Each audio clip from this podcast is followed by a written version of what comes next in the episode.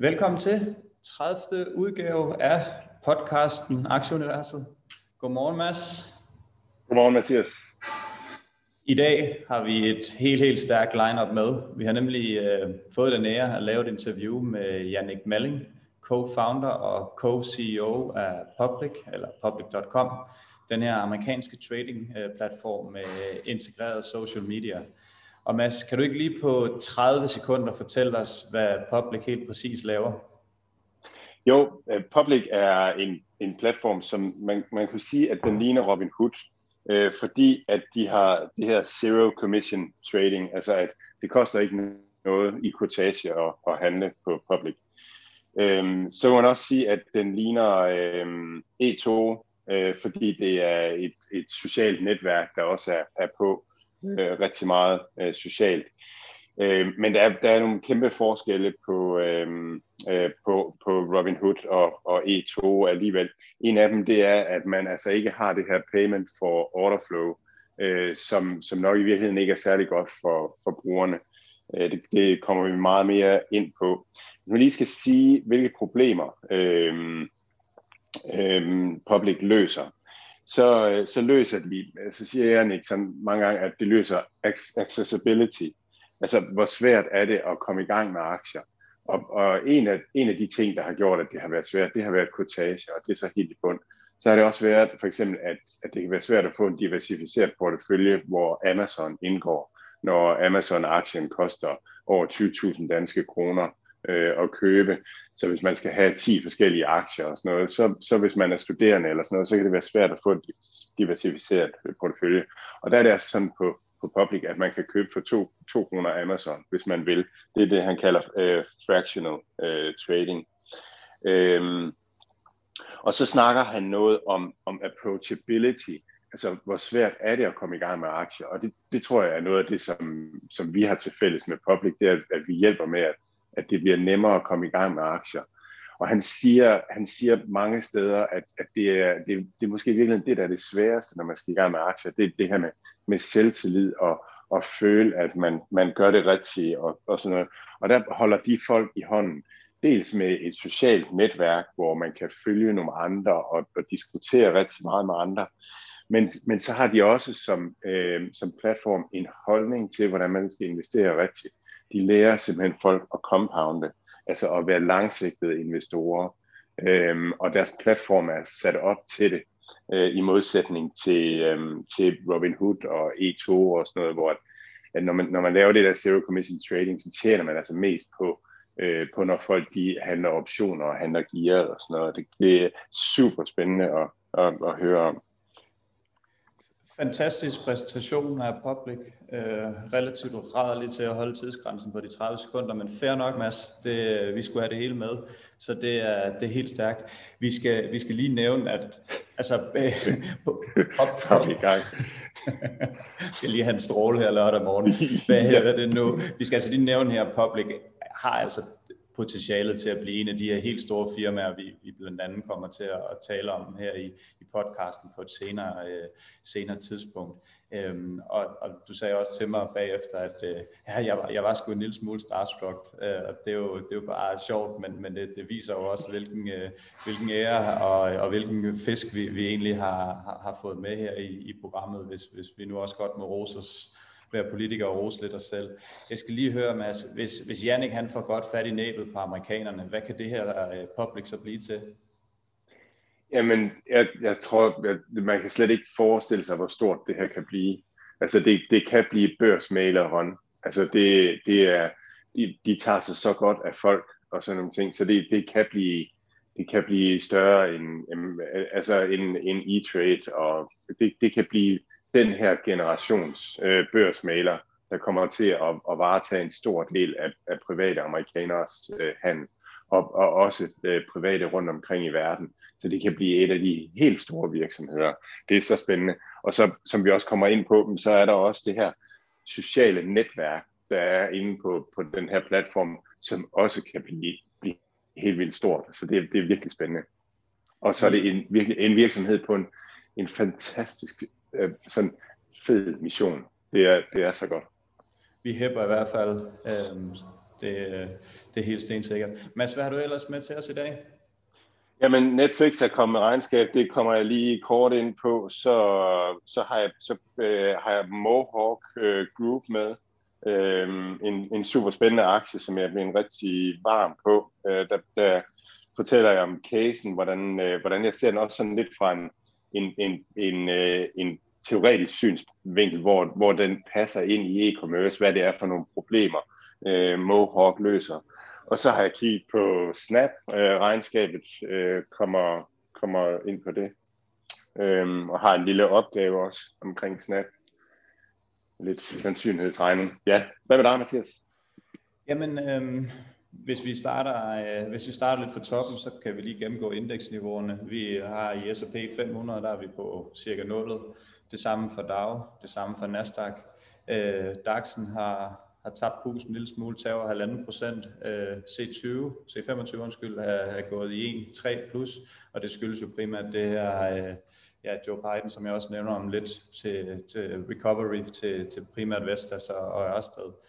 Den 10-årige rente, den er 1,57 mod 1,53 sidste lørdag, så der er heller ikke uh, sket det hele store. Uh, ja, vi kan sige, uden indledte jo med, at man blev tæsket gul og blå tirsdag, helt for rædderlig, rædderlig aktiedag, øh, hvor man ligesom øh, ja, bare havde lyst til at gå tidligt i seng, og, øh, og, så, øh, og så vågne op til et grønt marked dagen efter. Men øh, ja, udover det, så har jeg, øh, så har jeg sgu solgt min øh, Norwegian-aktier, øh, rædderlig aktie. Ja, øh, jeg, jeg indså, at jeg ikke, øh, jeg ikke kunne, jeg ikke kunne hæppe den øh, i, i foran i feltet og, og score gevinst på den, så, øh, ja, så der røg lige nogle skejser ud af vinduet. Sådan er det. Øh, når man ikke er klogere, så må man jo til lommen og betale. Så øh, fair nok. Så øh, det, der var tilbage, det har jeg så smidt over i en ja, øh, aktie, som vi snakker om sidste lørdag med Helge, nemlig Bakkafrost, som jeg i forvejen ejede. Men, øh, men i det her sådan lidt øh, all-time high marked, der, der synes jeg, at øh, der, der, der er de her lakseaktier, som vi nævnte, ikke fået rigtig et comeback endnu, så jeg synes, at, at det er et godt bet. Så der har jeg kørt skillingerne over i. Jeg var lige ved at tage den her Nel, øhm, der, der er inde i det grønne, grønne indeks. Desværre gjorde jeg ikke det. Det skulle jeg så have gjort, for den er så stedet rigtig flot i løbet af ugen. Men øh, sådan er det. Jeg, øh, jeg, jeg tror på, at at øh, laksen, øh, laksen den, øh, den, øh, den, den, styrer, øh, den styrer fremad i, i, den nærmeste fremtid, så jeg er glad for min Bakkefrost-aktier. Torsdag det tror jeg rigtigt. Altså, jeg har også bare tænkt på siden, siden sidste, der hvor vi snakker med, med Helge, om det her med vinderne, de bliver ved med at vinde. Altså, køb nu vinderne, og så, og så lad de der ledelser og, og forretninger udvikle sig. Det er altså mega godt øh, bet med, med Bakkefrost, tror jeg. Der kom en jobrapport torsdag, den så rigtig fin ud. Øhm, så øh, så begyndte Biden at snakke om øh, højere skatter. Og det var sådan ligesom primus motor på et større sell-off øh, torsdag, både i aktier, men også i bitcoin. Og bitcoin er nede en 5-17 procent underrettet sig lidt her til morgen øh, i den ene seneste uge. Og, øh, og, og, og det er jo sjovt, fordi det er det her, vi har snakket om så mange gange, øh, og også snakket om med den her rente. Vi ved, den skal stige, men så er det tempoet. Altså, øh, Joe Biden gik til valg på at implementere højere skatter til de superrige amerikanere og så går han ud og nævner, at han vil lave skatter til de superrige, og så går folk i panik og begynder at sælge aktier og bitcoin og alt muligt andet. Og det er sådan lidt, altså hvad fanden kan det blive ved med at tage investorerne med bukserne ned? Han har jo sagt det. Så det er sådan lidt, nogle gange, så, så tror jeg bare, at vi som mennesker, vi er, vi er dummere, end det er nødvendigt at være. Øhm, men, øh, men nu bliver jeg simpelthen nødt til at sige noget her, fordi ja. der, der, var, øh, der, var, der var et tweet, som jeg synes var så sjovt og spændende og, øh, og gå og tænke på. Men, men en, øh, en af dem, jeg følger på Twitter, som skriver, at, øh, at hans første lærermester, øh, han, øh, der, der var en situation, hvor, hvor man afventede regnskab og så videre, og så, så, så ham her, der tweeter, han havde sagt til sin lærermester, det her, det alle folk ved, det her det bliver en nedjustering. Så, øhm, så det er priset ind nu. Og så havde hans lærermester sagt, nej, der er altid nogen, der ikke ved, så selv skidtet og så har de solgt skidtet, og så, så kom regnskabet med nedjustering, og så, øh, og så faldt aktien også på det. Og det, det er super sjovt, det der med, at, at, at der er sådan en forskel på, når det bliver faktuelt, at så, så, er der stadigvæk, så er der stadigvæk nogen, der reagerer på det. så snakkede Biden også om, øh, om den her, øh, uh, USA skal være CO2-neutral i 2030, og det gav jo så et, øh, et kæmpe rebound af olympiske dimensioner i, øh, i clean energy-sektoren. Øh, øh, Vestas øh, steg der ud af, og, og hele den her ETF inden for det tog også et rebound på en 5-6 procent, tror jeg det var. Øhm, og som du lige nævnte nu, at det så er toget kørt på den, det tror jeg på ingen måde. Det var, det var på nyheden, og så er der stadig nogen, der ikke har fattet det endnu. Og så, øh, så skal der nok blive ved med at få os en masse penge den her vej, fordi vi, vi er et eller andet sted, som mennesker nok også gerne vil være med til at, at passe på vores planet i, i større eller mindre grad. Så, øh, så det stadigvæk, handler stadigvæk med en fin, øh, nu har jeg kigget, altså som igen den her ETF, INRG hedder den, den handler stadigvæk med en, en fin rabat i forhold til all time high. Så det er bestemt et, øh, et godt bud, hvis man vil, hvis man vil være, være ja, skyde mod den sektor. Det, det tror jeg selv er et sted personligt, jeg skal, jeg skal hvad hedder det nu, øh, smide lidt flere skillinger ind. Så er Coinbase, den er så faldet ud af sengen, og det, øh, ja, det skyldes primært, at, øh, jeg ved ikke om det er primært, men det skyldes blandt andet, at den blev aflistet øh, kort tid i Frankfurt Børsen på grund af en, en fejl i referencekoden. Og selvom den her fejl den er blevet rettet nu, og, og aktien er kommet online igen, så er den ikke rigtig kunne rebound. Øhm, og vi, øh, vi holder selvfølgelig øje med, hvad der stadig sker, fordi det er den her lidt revolution, revolution inden for, for, for next step af, af krypto, at, øh, at den er kommet på børsen. Og øh, ja, jeg går sådan lige og sonderer lidt over det. Jeg har kigget lidt på nogle af de her ETF'er i nogle af de her øh, ja, cykliske øh, hvad hedder det nu, aktier, noget, både nogle metaller og øh, øh, nogle råvarer og sådan noget, og, og går lidt over og overvejer, om man skal, man skal tage en, en lille smule den vej over i et eller andet ETF-indeks, øh, og som, som jeg vil supplere med ud over min, min clean energy, som, som jeg godt kunne tænke mig at forbedre min gennemsnitskurs på. Jeg tror, jeg er 15% med. Så det går jeg sådan lige overvejer, om der ikke skal, øh, skal skydes lidt skejser efter i, i starten af næste uge. Men øh, ja, nu må, jeg lige, øh, nu må jeg lige se, hvad jeg kommer frem til, men øh, jeg tror, det, det peger i den retning. Og øh, ja, hvad med din uge, Mads? Men øh, ja, ja ligesom, ligesom du beskrev rigtig meget i dag, øh, eller meget start på ugen, og så er jo en, en fantastisk dejlig slutning her. Øh, så så det, det er jo svært ikke at, at være på en glad note øh, lige nu. Så er jeg mega spændt på næste uge. Øh, Tesla og regnskab fra Tesla, Microsoft, Google, Pinterest, Facebook, Apple, Spotify, Amazon, Twitter. Altså, hold nu op det bliver... Det vil, det, bliver det vil, det vil aktie, aktieugen svare på LBS i næste uge, er det ikke det? jo, det er det lige præcis. Ja, så det bliver, det bliver helt vildt spændende. Der, der skal virkelig nørdes. Så, øhm, så det, er, det er meget det, der, der, der fylder mit hoved. Så, øhm, så læste jeg en tråd om øh, Markov-kæder, og, og det har jeg virkelig gået og tænkt meget over. Så nu vil jeg lige give lytterne her en opgave og, og dig. Øhm, hvis, hvis, man nu, hvis man nu har, øh, hvis man nu forestiller sig, at man kaster, øh, man slår plat og krone, øh, og, så, og så sammenligner, hvor lang tid vil det tage, før at man får øh, et resultat, der hedder krone først og krone bagefter, og hvor lang tid det vil tage, før at man får et resultat, der hedder krone først og plat bagefter. Øh, og, så, og så tænker jeg igennem øh, med det, øh, hvad, hvad, hvad er det, kommer det til at tage lige lang tid, eller, eller vil den ene tage, tage, tage længere tid end, øh, end den anden? Øh, så det kan man prøve at, at, at tænke igennem, og så, så er der en, en pointe med det. Og den pointe tager du med til os næste lørdag? Nej, den tager med nej, til Pinterest.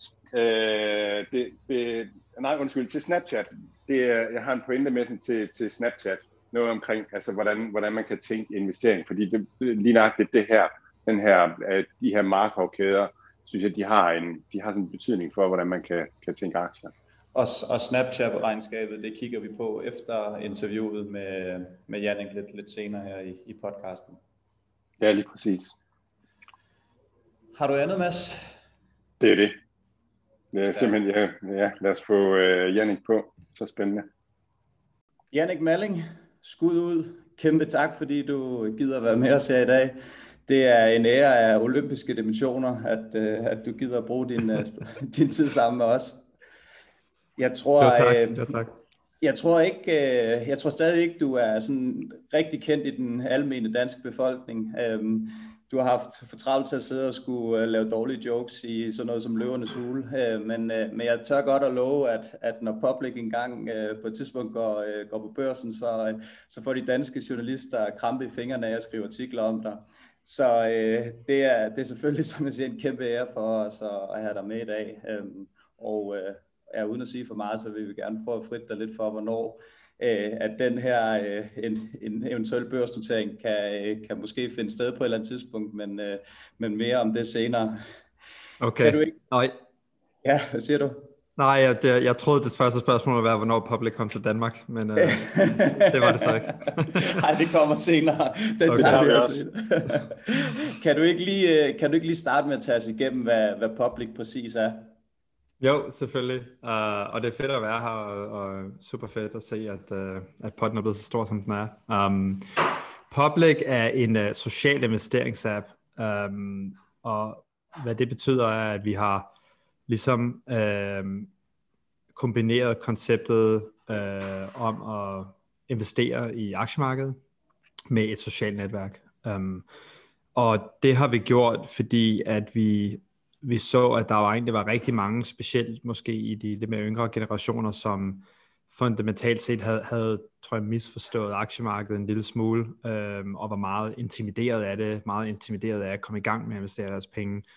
Øhm, og det kom mest af alt ned til den kultur, der altid har eksisteret omkring aktiemarkedet. Øh, jeg tror, når folk tænker aktier, du ved, så er det hurtigt øh, Wolf of Wall Street memes og uh, YOLO calls, som de kalder det, og det er sådan meget, det er sådan meget uh, white male uh, dominated og, og lidt måske short term fokuseret uh, og så videre.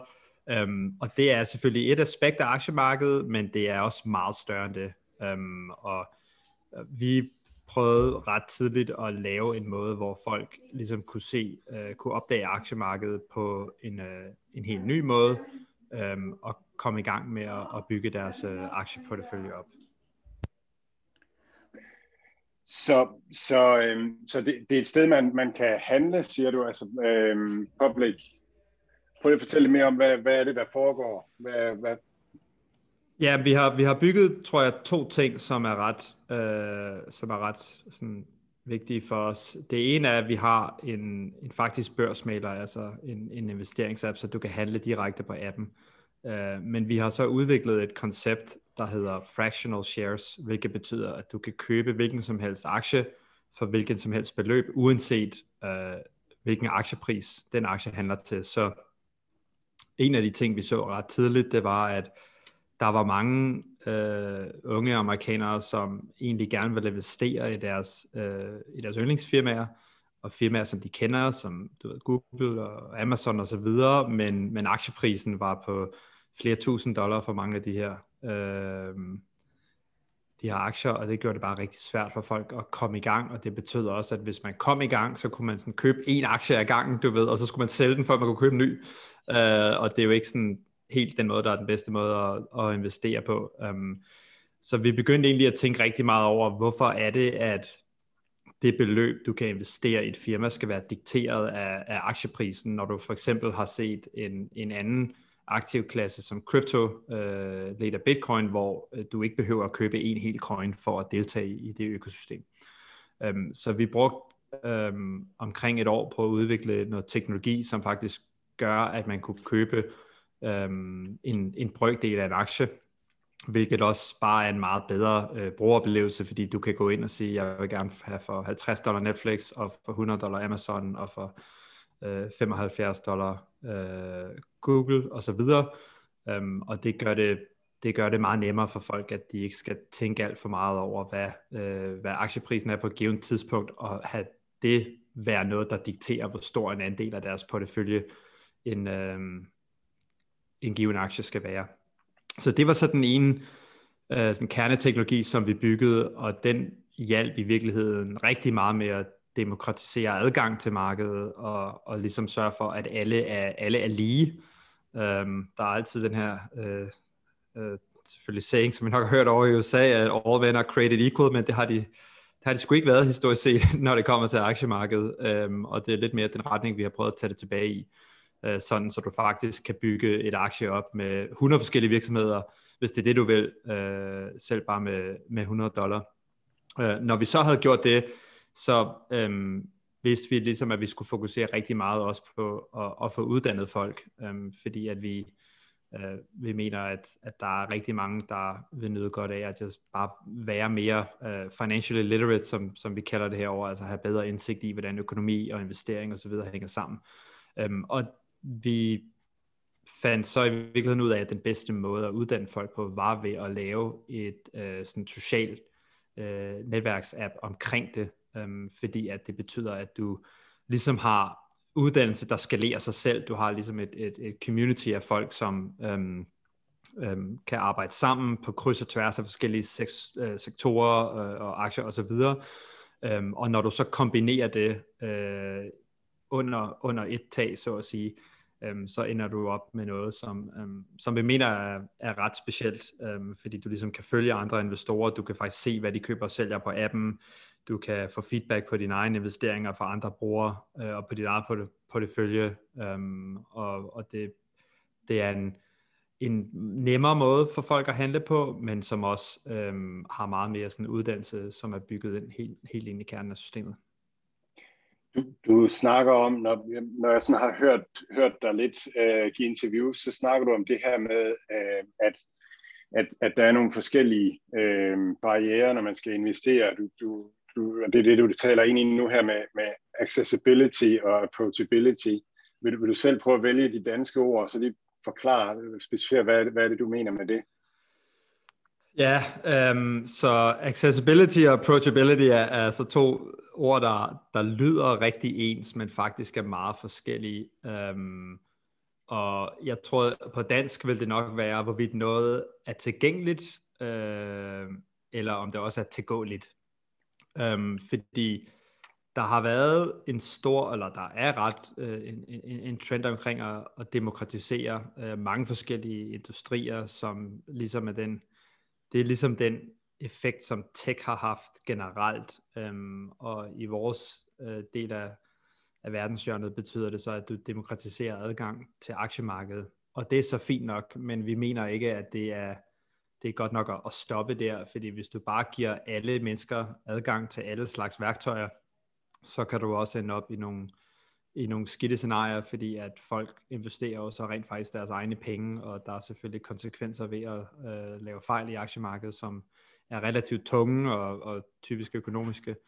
Um, så derfor har vi fokuseret meget mere på tilgåelighed, altså sørge for, at aktiemarkedet er noget, som folk mener, de kan tilgå, at de føler, at de er øh, at de ligesom har værktøjerne, og de ligesom har øhm, du ved, informationen, de skal bruge til at komme i gang med ting. Og der er det, at det sociale aspekt har været, har været en rigtig stor del af det, fordi når du kommer ind i, øhm, der, der er rigtig meget snak om, om det her koncept omkring learning by doing, øh, hvor du ligesom lærer efterhånden, som du er aktiv med. Og det, det er faktisk, øh, øh der er mange studier, der har vist, at learning by doing, ikke kun i finansverdenen, men på tværs af mange andre discipliner, er den bedste måde at lære på.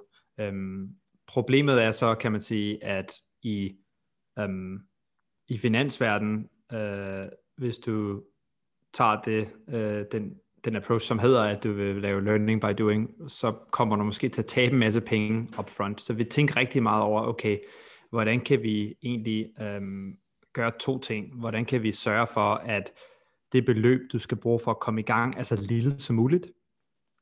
Nummer et. Og nummer to, hvordan kan vi sørge for, at du ligesom kan accelerere din, din egen læringskurve? Um, og nummer et var selvfølgelig derfor, at vi udviklede det her fractional share, så du kan komme i gang med, med, med helt ned til en dollar i, i virkeligheden. Um, og, og nummer to, um, altså det er, at vi har kigget på at bygge det her community omkring aktiemarkedet, sådan, så du ikke kun lærer af dine egne fejl, men du kan lære af andres fejl. Um, og der er ligesom meget, mange flere feedback loops, som er bygget ind, Øh, fordi i sidste ende tror jeg, at den bedste måde at lære noget på, det er bare at have dialog med mennesker på, det er at, at, at, at have samtalen med, med, både med folk, som, er, som, er, som har de samme tanker som dig, men endnu vigtigere også som folk, som måske er, er uenige. Um, og det tror jeg, de fleste egentlig har, har indset, inklusiv. Um, øhm, det er jo sådan lidt det, der foregår på den her podcast også, ikke? Altså, du vil gerne søge folk ud og øh, akkumulere mere og mere viden og, og forskellige perspektiver på bordet. Det er i hvert fald, jeg er gammel pokerspiller, og, og, og når man sådan spiller online poker, så når man har spillet i en uge, eller sådan eller hvis man spiller nok, så har man jo et eller andet 10.000 hænder, eller, eller 20.000 hænder, og så kan man begynde at lave statistik på det, men det opnår man jo sjældent i, i aktiemarkedet, så trods det der learning by doing, at, at, at det er rigtig, rigtig svært. Det kan godt være, når man er 80, at man begynder at have erfaring nok, men, men man får ikke så, så mange handler under huden, at man rigtig kan, kan lære af det. det. Det tror jeg er svært. Ja, og når du er 80, så er det sådan, måske en lille smule for sent. Altså jeg tror, en, en af de ting, som vi har kigget rigtig meget på, det er øhm, forskellen faktisk for hele økonomien hvis du har en generation af mennesker, der lad os sige starter gennemsnitligt med at investere, når de er i slut 30'erne eller start 40'erne. Hvis de havde startet, når de var 18 år gamle, og de juridisk set kan begynde at investere, og de havde lavet deres investeringer, og de egentlig havde sådan fulgt en rimelig basal investeringsstrategi med et veldiversificeret portefølje, forskellige sektorer osv., de havde, øh, de havde dollar cost averaged ind, til, ind i det over tid, øhm, så vil den gennemsnitlige amerikaner have flere millioner dollar mere, når de så skulle retire øh, og, og gå på pension. Og, og, og det vil jo være, øh, altså det vil jo kreere et helt andet scenarie i, i, i USA, end det du ser i dag, hvor der er ekstremt meget ulighed. Øh, specielt som dansker, når man observerer det herovre, så er det ret vildt. Øhm, og, og meget af den ulighed er egentlig i sidste ende øh, på grund af aktiemarkedet. Så på den ene side er aktiemarkedet et fantastisk fænomen, men historisk set er det kun de 10% rigeste i Amerika, der virkelig har udnyttet aktiemarkedet til at, at vækste deres, øh, deres midler. Øh, og det er så skabt det her rimelig signifikante øh, wealth gap, som de, som de kalder det. Ja, det er i virkeligheden det med at eje noget, som, som gør, at, at dem, dem, dem, der bliver rigere, de bliver rigere. Ikke? Altså det, det er den der tilgang til det. Lige præcis, og altså, øh, øh, som Warren Buffett har sagt, compound investing is the eighth wonder of the world, noget i den retning. Um, og, og det er så svært at forstå compound investing. Det er ikke sådan logisk for hjernen at, at rigtig begribe, hvor, hvor, hvor hvor meget det egentlig kan betyde. Øhm, men, og, og, og det er derfor, det har været svært at, øhm, at, at snakke med folk om, historisk set. Øh, men jeg tror, det er noget, som er med at gå mere og mere op for folk, og folk vil gerne starte tidligere. Øhm, og det vi også har set, som er ret interessant i øvrigt, det er, at når du, når du så begynder at investere tidligt, så begynder du at tænke over hele din personlige økonomi øh, meget, meget anderledes. Så i en verden, hvor um, du øh, for 5 dollar kan købe en aktie af Starbucks, jamen når du så ned, går ned i Starbucks, så skal jeg bruge 5 dollar på en kaffe, eller skal jeg faktisk investere den? Så du begynder meget mere at tænke over investering versus forbrug. Øh, du begynder at, at læse mere ind omkring politik og, og økonomien som en helhed, og, og du begynder at, at, at uddanne dig selv meget mere inden for de her øh, områder, hvilket har været øh, ret fascinerende faktisk at se, hvordan, hvordan nogen kunne komme ind og være øh, fuldstændig altså, nybegynder, aldrig prøvet at investere før. Det er jo faktisk størstedelen af vores, øh, af vores kunder, der har den profil. Og så på relativt kort tid få bygget noget, noget rigtig fornuftigt op. Det har været, det har været ret tilfredsstillende at se. Det er fedt lige at høre, hvad, hvad, hvad Public er. Vi vender lige tilbage til, til, din, til din virksomhed et øjeblik, fordi vi bliver også lige nødt til at have en historie på dig. Øh, hvordan, øh, hvordan delen du er endt i, med, med, så, øh, med så spændende et firma, øh, som, som du har været med til at starte. Så, så kan du ikke lige tage os igennem øh, din historie øh, fra, øh, fra, fra lille Danmark til, til store USA? Jo, det kan jeg godt. Um, så jeg startede faktisk min karriere i Saxo Bank, øhm, som, som I nok kender.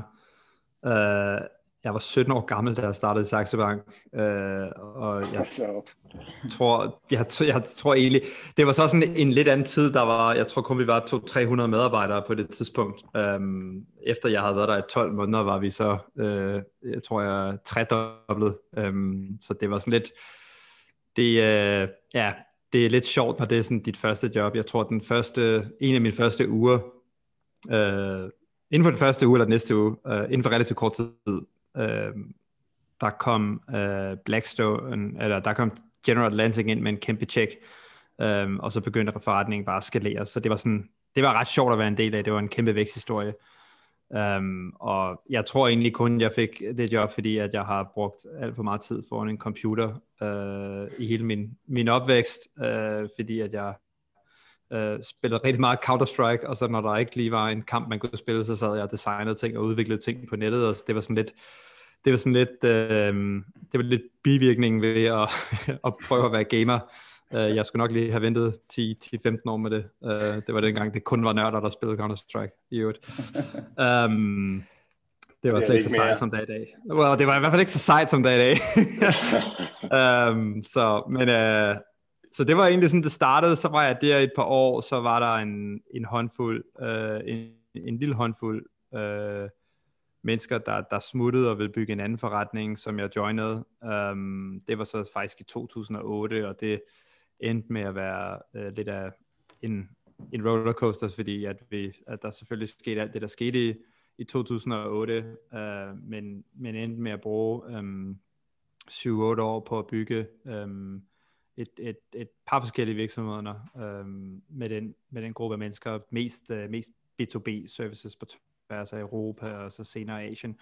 Um, og vi har aldrig egentlig lavet så meget i USA, og jeg har altid syntes, at det amerikanske aktiemarked ligesom var Champions League inden for, inden for, øh, inden for finansverden. Øhm, så øhm, det firma blev øh, opkøbt i 2016, øhm, og jeg flyttede så til, til USA på det tidspunkt. Øhm, og jeg boede faktisk i London på det tidspunkt, og jeg kan tydeligt huske, at uh, Brexit-stemmen kom ind, øh, og der var ikke nogen, der havde troet i London, øh, for der var nok ikke rigtig nogen i, i byen London, i London City, som havde stemt for Brexit så alle var chokeret, da øh, Brexit-stemmen kom ind, og så var det også, at jeg tror mig og min kæreste begyndte at tænke lidt over, at det er det rigtige at blive i London og så videre. Der var rigtig meget usikkerhed på det tidspunkt.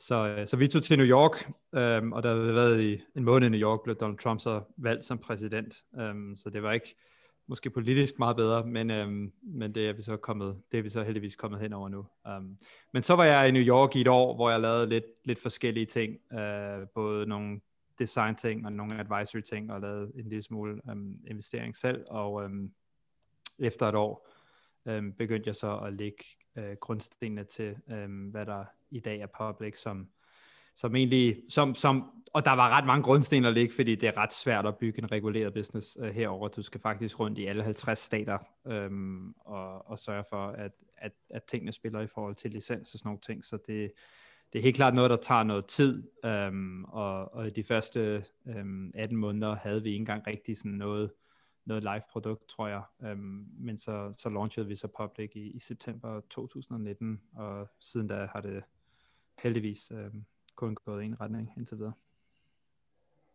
Hold da op, det er, det er ungt øh, Public, altså det er en kort historie. Det har været en rigtig kort historie. Øhm, jeg skal ærlig indrømme, at, at jeg tror, øh, jeg tror ikke, jeg tror ikke, vi havde regnet med, at det ville gå sådan her. Øh, vi, jeg, jeg tror aldrig, vi var i tvivl om, at vi mente, at det her kunne blive noget rigtig øh, stort, fordi jeg, jeg er 100% sikker på, at der kommer til at være mellem 150 og 200 millioner amerikanere, der har en investeringsapp på deres homescreen på deres telefon. Um, men jeg har ikke regnet med, tror jeg, at det vil gå så hurtigt, um, og det, selvfølgelig også øh, accelereret af, hvad der er sket i, i markedet, og, og, og, og hvad der er sket sådan generelt i økonomien og så videre. Øhm, men, men det er helt klart gået meget hurtigere, end, end jeg tror, nogen af os havde, havde tog håb på. Men du har alligevel haft en idé om det, altså når man rejser rundt til alle de der stater og, og sikrer sig en licens, så er det fordi, at man, man ligesom øh, ved, at det kan blive til noget. Hvad, hvad var det sådan, hvad var det, der gjorde dig sikker på det, eller hvad, hvad var den ting, du kunne se, Um, et af de helt sådan banebrydende momenter, så i, i starten, der lavede jeg rigtig meget bare sådan research, bare ud og, og snakke med folk og finde ud af, um, investerer de, hvorfor, hvorfor ikke, um, og jeg var, jeg var rigtig overrasket over, hvor få der faktisk tog investering seriøst.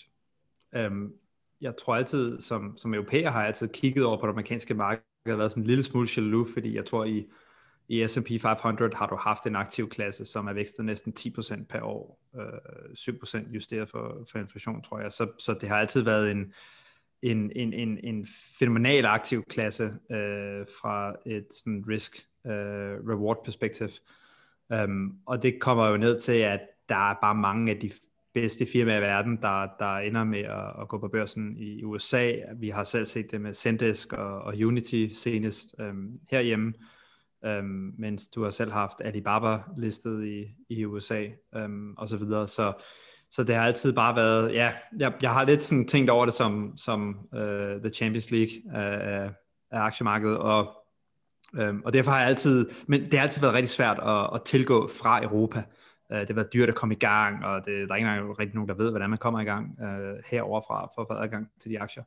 Øhm, så jeg tror, jeg havde regnet med, at da jeg flyttede til New York, at alle bare sådan havde totalt styr på det, og egentlig kunne investere og så videre. Fordi jeg har jo kendt til den her verden i et stykke tid. øhm, men, men det var slet ikke tilfældet. Der var rigtig mange, der var... øhm, der ikke følte sig ud, øh, de sagde, de ikke følte sig uddannet nok, der var mange, der var intimideret omkring kulturen, øhm, og øhm, i særdeleshed øh, er der rigtig mange kvinder, der ikke øh, er kommet i gang med at investere, fordi de har set det som sådan lidt en, Øh, sådan lidt et, et, et bro culture uh, topic, tror jeg, så um, det var der, det gik op for mig, at okay, det kunne egentlig blive rigtig stort, fordi at, at hvis du kigger tilbage historisk, hvis mange af de folk havde startet med at investere øh, 10 år tidligere, 20 år tidligere, så ville de være et helt andet sted økonomisk, øh, end de var i dag. Um, så det var egentlig der, det gik op for mig. Og så samtidig, det var så i 2017-18, samtidig, øh, og hvis I kan huske, tænke tilbage, det var faktisk der Bitcoin endte med at ramme øh, de 20.000, før den så crashede igen, så du havde helt det her build-up i kryptoindustrien, um, og jeg hørte vidderligt bare folk sige på det tidspunkt, at de smed øh, ja, jeg føler ikke, jeg har råd til at komme i gang med mit aktieportefølje. Øh, jeg er ikke rigtig uddannet nok, men jeg har lige smidt 5.000 dollar i bitcoin. Jeg er super begejstret. Og der var jeg sådan lidt, jeg tror, det var det, at jeg tænkte, okay, um, jeg har ikke noget mod, at folk investerer i bitcoin, men, men det skulle um, der gerne helst sidde som en del af et større diversificeret portefølje. Og hvis du føler, at du skal bruge mere end 5.000 dollar for at komme i gang med aktiemarkedet, så er der noget galt. Uh, og det var også det, der i sidste ende også lede os til at bygge det her fractional share technology. Ja, altså det der med, at folk ikke forstår det, altså at, at, at man føler, at man skal forstå en virksomhed dybt ind og ud for at kunne, kunne investere, og så, så lægger du det der sociale lag på, at, at så kan folk hjælpe hinanden ind. Ja, ja jeg, jeg tror faktisk, det starter måske et, et, et niveau højere op, om du vil, omkring um, hvad er min strategi? Skal jeg have en strategi? Øh, hvor mange aktier skal jeg investere i? Øh, hvordan diversificerer jeg mit portefølje? Hvordan skal jeg øh, egentlig få det på benene? Øh, hvilke sektorer skal jeg investere i? Hvilke, og så selvfølgelig hvilke aktier, eller dermed sagt, hvilke aktier skal jeg investere i? Øh, og så hvordan skal jeg, Øh, hvordan skal jeg manage det portefølje over tid?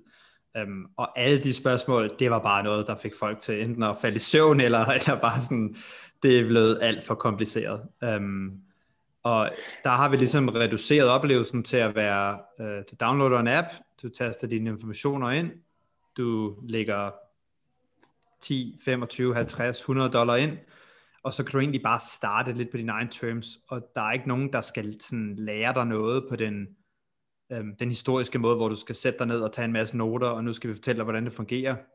Du kan ligesom lære i dit eget, i dit eget tempo, øh, fordi du kan bare poke lidt rundt, se hvad folk siger, se hvad de har dialoger om. Øh, vi hedder selvfølgelig public også, fordi at, at alt det her data bliver transparent, og historisk set har investering ikke rigtig været noget, der var transparent. Det her noget, hvor alle sådan havde deres porteføljer gemt væk hver for sig, øh, men hvis den opbringte øh, out in the open, så at sige, um, jeg, jeg har sådan en prik med, ja, jeg har sådan en ting med, at, at, øh, at når, man, når man tager imod et råd som begynder, så siger jeg altid til folk, at så skal I lige huske forbrugsvejledningen også. Altså det er det der, mange, mange tager et råd, sådan hører en eller anden udsendelse, så om den her aktie er god, og så, øh, og så køber man den, og så lige pludselig så har man en eller anden, øh, et eller andet tankskibsrederi, som man, man ved faktisk ikke særlig meget om det, og man, man ved ikke lige, hvornår man skal sælge, og man ved ikke, ved ikke hvornår casen er broken, men der, det der med at have et, et vedvarende community, så har man jo, altså så har man jo noget at, at tilgå hele tiden. Ja, Ja, jeg, jeg tror, at en af de ting, vi, vi ser rigtig meget herover, det er historisk set den måde, som de folk, der så har investeret på at komme i gang i USA, har været, at du sætter dig ned med, øh, med din bankansvarlige person, og så øh, sælger han eller hun der øh, en masse produkter, og der ved du ikke rigtig, hvad incitamenterne er. Du ved, hvorfor skal jeg lige, hvorfor synes du lige, jeg skal gøre det frem for det, og så videre, og så videre. Og det vi har set øh, det er, at der er bare meget mere tillid, når du faktisk er et community, hvor du er, øh, du primært bare snakker med folk, som er i samme situation som dig, øh, og, de kan, og du kan så back det op med, at du faktisk kan se, hvilke investeringer de har lavet, ikke? og det er jo så noget, som vi kan verificere, fordi at vi både er øh, et socialt netværk og øh, en, en børsmælerplatform. Um, øhm, og det har været det har været ret sjovt at se, hvordan folk egentlig stoler mere på folk, der er ligesom dem, og, og meget mindre på dem, der sådan arbejder for de store banker osv. Janik, noget, der ikke er gået nogen danske, danskers næse forbi, det er, det er den her øh, Robin Hood-platform, som du også selv har, har nævnt. Nu er vi jo 100% pro-public og, øh, og hader Robin Hood, hvis man kan sige, at I, I, I konkurrerer lidt. Så, sådan er vi, så nemme er vi at købe. Men, øh, men, men kan, du ikke, øh, kan du ikke lige forklare os, hvad, hvad er forskellen på, på jer og, og Robin Hood? Jo, så øh, Robin Hood startede med at tilbyde kortagefri aktiehandel på mobil øh, app tilbage i 2013. Um, øhm, og de havde så ikke, de har ikke det her sociale aspekt så videre, det var bare øh, sådan dead simple, altså forestil dig din Apple Stocks app, men hvor du bare kan købe de aktier, der er derinde, ikke? Um, og det havde de så rigtig meget, øh, rigtig meget succes med. Um, de har også et rigtig lækkert design og så videre. De gjorde det sådan meget nemmere for folk. Um, de begyndte så at udvikle platformen over tid meget mere hen imod øh, sådan daytraders, tror jeg, altså folk, der virkelig gerne vil handle aktivt, så de, de begyndte at tilbyde øh, gearet handel, øh, hvor du kan låne penge og handle for, hvilket så også betyder, at du kan faktisk tabe mere, end det du, end det, du lægger ind. De begyndte at lave optionshandel, øh, hvilket er øh, både call og put, og nu laver de øh, spread trading osv., sådan meget relativt sofistikerede investeringsværktøjer, øhm, og, øh, og begyndte at gå mere og mere i, i den retning. Og, og det er så der, at det begyndte måske at, at hoppe lidt af vognen for dem, fordi at de så havde alle de her nye brugere, som var nye til aktiemarkedet, som begyndte at lege rundt med gearet handel og alle de her optionskontrakter osv., som, som er rigtig svære at tjene penge på. Um, og senest er de så røget i lidt mere kambolage, eftersom at der, det kommer mere og mere frem, at den måde, de så tjener penge på, er ved at sælge deres, deres, øh, deres trade flow til nogle af de store uh, market makers herover som Citadel og, og Virtue osv., um, øhm, og at de, de tjener for eksempel meget mere på margin trading, de tjener meget mere på options trading, så deres, deres uh, incitament, uh, så at sige, dem versus deres brugere, er, begyndt, er noget folk er begyndt at, at, at stille spørgsmålstegn ved. Um, hvorfor tjener man mere, altså hvorfor tjener en platform som Robinhood mere, når, når der er options trading på, og, øhm, og, og, og der er gearing og, øh, og sådan noget? Man kan sige, gearing kommer bare ned, så, så hvis du, Altså, så det er den her disciplin, der hedder payment for order flow, og, og dybest set er det en måde, en børsmælervirksomhed bliver øh, renommeret på ved at sende øh, kundernes handler ikke til, øh, ikke til en, en børs, som, som New York Stock Exchange for eksempel, men sende det til øh, en market maker, øh, så de kan fylde handel. Og øhm, jo og så får de så en, en, så får de så en rebate hver gang, at der er en handel, der er blevet, der er blevet fyldt. Og det betyder så, at de er, har et incitament til, jo mere flow, som de kan sende, øh, jo mere kan de faktisk tjene på det. Så i forhold til gearhandel, der betyder det selvfølgelig bare, at kunderne kan handle meget mere, hvilket betyder, at, at, at de kan tjene mange flere penge på det. I forhold til optionshandel mener jeg, at de tjener 5-10 gange så meget øh, på det per bruger, fordi at det er et meget mere spekulativt instrument, som er noget folk generelt taber penge på. Um, og det øh, betyder jo så, at dem, der tager den anden side af den handel, um, har større sandsynlighed for at, at tjene pengene. Så, um, så kan du ikke lige forklare, hvordan, hvordan tjener, hvordan tjener Citadel penge på at, at, at købe uh, Robin Hoods order flow. Jeg, jeg simpelthen ikke kunne forstå det sådan helt præcist. Ja, så, øh, så den måde, det fungerer på, det er, øhm, der er en referencepris i USA, der hedder NBBO, øh, som står for National Best Bid and Offer. Det er den pris, som alle egentlig skal øhm, eksekvere, eksekvere handler til.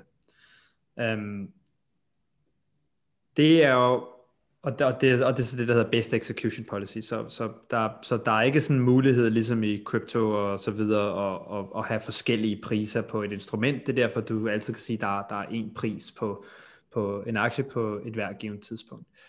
Øhm, den referencepris er sat ud fra den underliggende volumen. Men den underliggende volumen har aldrig rigtig øhm, taget i betragtning det, øh, den del af, af tradeflowet i hele industrien, som er, er retail-volumen. Det vil sige altså normale mennesker, som handler. Og det skal så lige siges, at retail-volumen egentlig plejede også at være en meget, meget lille del af industrien. Det plejede at være omkring 10%. Øh, I 2017-2018 var det omkring 10%. I 2020 øhm, vækstede det så til, til 20% og, og senest her nu i 2021 har det ramt øh, 35, nogensinde der 40-45 procent, så, så, okay. så vi, vi lever i en, ja det er ret ekstremt faktisk, så vi, vi lever i en tid, hvor altså, øhm, private investorer udgør en meget større del af aktiemarkedet, end de historisk set nogensinde har gjort. Og så er det klart, at hvis den NBBO-referencepris ikke øh, tager i betragtning den del af volumen, som, som, som kommer fra private investorer, så kan man jo ikke rigtig vide, hvorvidt det er den bedste pris. Øhm, og, og der har så været en masse Senate hearings og så videre, hvor de har prøvet at forstå, jamen, øhm, jamen I, I siger, at det her er den bedste pris, og I eksekverer øh, til den pris, eller bedre end den pris, men hvad er den bedste pris, som I egentlig kan se, fordi I ser både referenceprisen plus alt det her private investor øh, orderflow. Og, og, og det tror jeg stadig, de er lidt at svare skyldig på, men, men, men, men det er der, at der er rigtig mange, der stiller kritiske spørgsmål omkring, hvordan øh, markedsstrukturen egentlig hænger sammen. Øh, I min verden er markedsstrukturen dybest set outdated øh, i virkeligheden, fordi at, at du, det kan ikke være, at du har, at det er meningen, du skal have en, en, en pris, som er din, er din source of truth, men i virkeligheden øh, er op til næsten halvdelen af flåden nu i virkeligheden ikke øh, taget i betragtning i den, i den formel. Det, det giver jo ikke rigtig mening. Øh, og jeg tror også, at det her, at, at der måske øhm, kommer til at komme nogle... Øhm, øh, vi kommer til i hvert fald til at høre mere om det fra, øh, fra senatet og, og fra Capitol Hill og så videre. Hvad, hvad tror du kommer, altså hvad tror du, hvad tror du der kommer til at ske på baggrund af det her? Hvor, hvor ender det henne? Altså, det er altid hvad, svært, hvad, at, hvad, det er altid svært at spå om politik, fordi ja, som jeg sagde, jeg, har, jeg, jeg, jeg havde aldrig troet, Brexit ville ske, jeg har aldrig troet, Donald Trump ville blive præsident, så jeg skal passe virkelig på, hvad jeg siger. um, jeg tror, at der efter GameStop um, er der kommet meget mere uh, bevågenhed omkring det her. Og jeg tror, at det har nået et niveau, hvor det er sådan, du kan ikke gå tilbage herfra og bare gøre ingenting. Så jeg, jeg, jeg tror, der kommer til at ske et eller andet. Øhm, hvad er det, man, altså, er, er, er, det, er det de private, som har, altså, har, har Citadel så kunne, kunne frontrunne de private på en eller anden måde, eller, ja, eller hvordan teo- har... I teorien ja, men det er der så bare ikke rigtig nogen, der kan bevise, men, men øhm, de har jo så en kæmpe trading-operation ved siden af, så ja, Øhm, og, og så er det så kommet frem, at de betaler mere for, for, det flow, for Robinhood's Flow, end de gør for alle andre, altså sådan Bank of America, alle de, nogle, nogle af de andre, som de også clear handler for, E-Trade osv. Så, så øh, og det er jo så der, at, at de her teorier øh, opstår. Hvorfor vil en, en, en virksomhed som, som dem betale meget mere øhm, for det flow, øh, hvis det ikke er meget mere profitabelt for dem? Og, og det kan det jo så være ved at frontrun det, som de jo 100% har muligheden for at gøre. Øhm, men med mindre, med, med mindre du arbejder der, øhm, er, er det jo svært at sige, hvorvidt, du, øh, hvorvidt det virkelig er noget, der sker, men, øhm, men det, det er i hvert fald det, det bliver grillet for lige nu. Det er spændende. Men, men I er så, I er så, øh, I er, I er så skiftet øh, øh, måde at tjene penge på. Øh, I er gået over til, til, til, til tipping. Vil du ikke fortælle ja. lidt om det? Jo, så vi øhm, efter, efter hele den her GameStop-episode, hvor der kom meget mere bevågenhed omkring det her, og, og det var virkelig noget, som øhm, folk begyndte at uddanne sig selv omkring meget mere, øhm, der, øh, der gik vi også ind og kiggede. Altså, så vi har aldrig haft direkte forhold med Citadel eller nogle af de andre, men, men via det firma, som vi clear, øh, som, som er vores clearinghouse, så har vi, øh, så har vi modtaget payment for order flow historisk set øh, på nogle handler. Og vi, vi synes egentlig også sådan lidt, at det var også lidt et, en, en, øh, en eye-opener for os at sige, okay, men hvorfor egentlig er det, at, at handlerne ikke bare går til, til børsen? Og så kommer det så frem, at det er en lille, det er selvfølgelig, du tjener mindre på det, øh, og det er måske endda en lille smule dyrere at sende dem til børsen, øh, frem for at sende den til de her market makers, så de har selvfølgelig positioneret sig øh, konkurrencedygtigt, sådan, så de fleste gerne vil sende flåde til dem, fordi de betaler mere for det, og det koster mere, og øh, det koster mindre at, at eksekvere handlerne.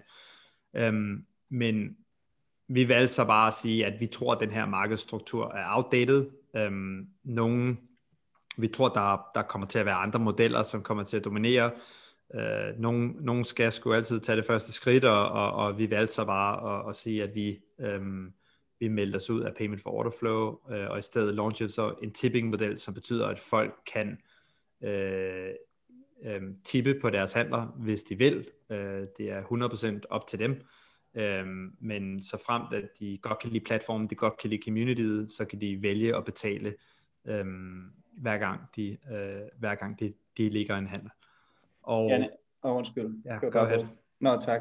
Øhm, det her tipping-system, det er jo, øh, altså i USA og, og alle, der kommer til USA, er jo vant til, at man tipper. Øh, og, og prøve at hoppe i en taxa for op og is, og køre ned til midtpacking, og så ikke stikke en, en taxachauffør øh, en dollar, ja. så, øh, så får du ikke dine to drinks, men så rører du i stedet for i et uh, brawl ude foran uh, et, af de gode, et, af, et af de gode hoteller. Men, men den her kultur for eksempel nu, uh, nu, hvis man kan tage Danmark eller Europa, noget, vi har jo ikke samme tippingkultur. Så uh, og i Indien, hvor jeg er nu, der vil de jo bare, der vil de jo bare grine og sige, at idioter, de, de charger ikke noget for, at vi handler ved dem. De, de må godt have været ja. dumme, dem her. Når, når I skal skalere ud og, og komme, og komme til, til andre steder, hvad, tror du så, at, at det er modellen også, eller er der andre overvejelser inde der? Ja, det, det er et godt spørgsmål. Så uh, interessant nok er payment for order flow modellen faktisk ulovlig i, i UK og, og i største del af, af Europa, mener jeg, og i Canada. Um, så den, den model skalerer heller ikke internationalt. Så, så i forhold til vores beslutning om at erstatte til, uh, øh, payment for order flow med tipping, der, uh, der, der kan man sige, um, det er selvfølgelig to be seen, om, om, om folk gerne vil, vil tippe i Europa, men, um, men vi ved i hvert fald, at payment for flow er lovligt, så det, det, det kunne vi slet ikke have kommet nogen vegne med. Um, men jeg tror sådan rent adfærdsmæssigt, at um, det er selvfølgelig, der er den her tippingkultur i USA, det er korrekt, men hele den her kutagefri aktiehandel, altså zero commission trading movement, som der har været, det er jo så også primært noget, der har været i USA. De fleste steder i, den, øh, i Europa, der, der betaler du jo stadig for at få din, din handler eksekveret.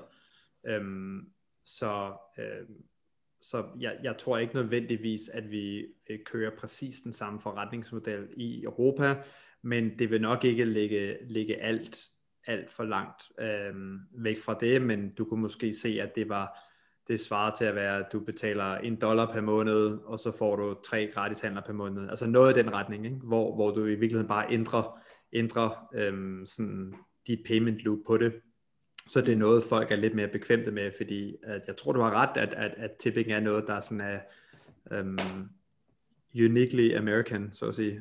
og det, det, uh, men det er til gengæld også en rigtig stor del af af adfærden og økonomien over. Når jeg så får løn ind her næste gang, skal jeg så lige vente og så regne med, at uh, Public kommer til Danmark snart, eller, eller hvordan? Nu får du lige det spørgsmål om, hvornår I kommer til Danmark. Hvor ofte får du løn? um,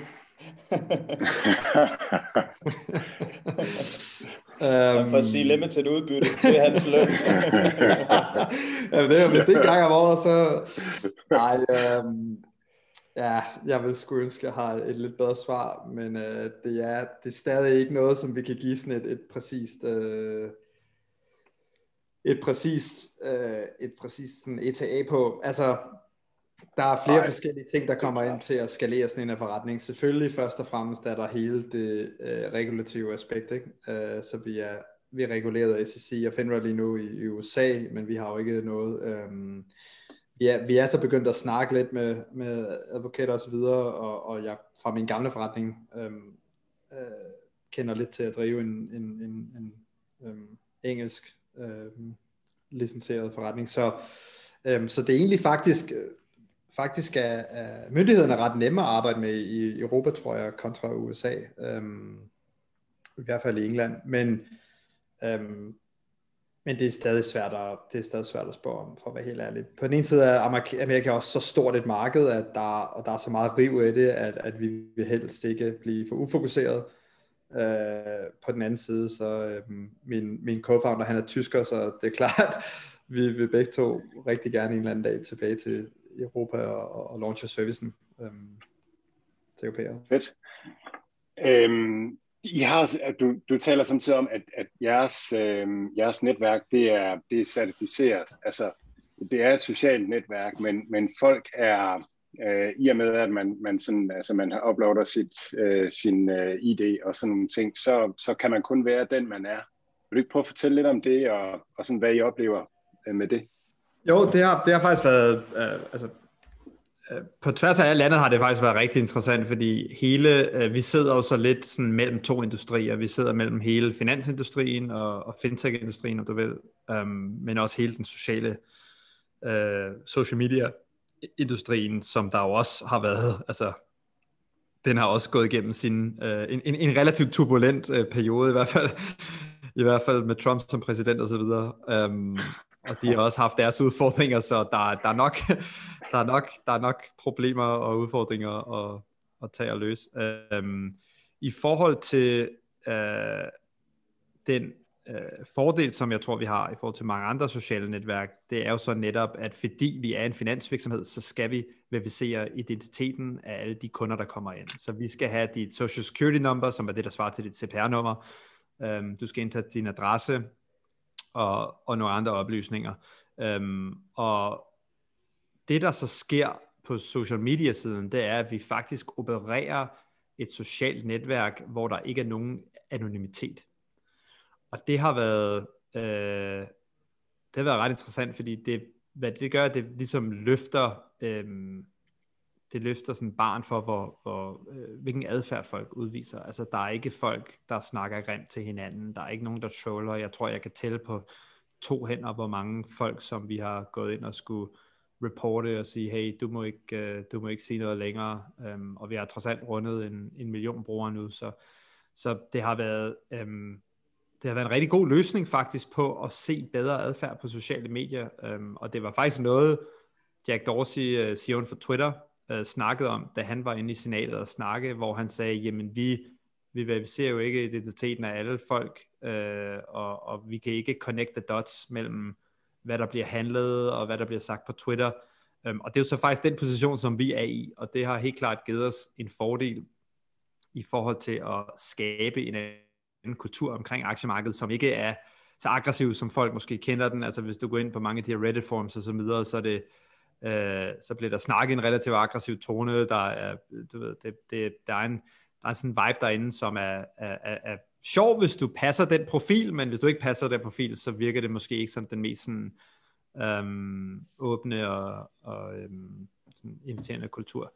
Øhm, og der har, vi for, der har vi så kunne lave en helt anden kultur, hvilket også betyder, at det er et meget mere øhm, diverst øh, community, hvor øh, næsten øh, halvdelen af kvinder, næsten halvdelen af people of color, og, og det, det gør i sidste ende bare, at du får meget mere øh, sådan divers øh, tankestrøm inden omkring alle de her ting, hvilket faktisk ender med, øh, tror jeg har endt med at blive en, en af de ting, som folk kender os for, og, og som de sætter allermest pris på ved, øh, ved hele platformen og hele, øh, hele netværket.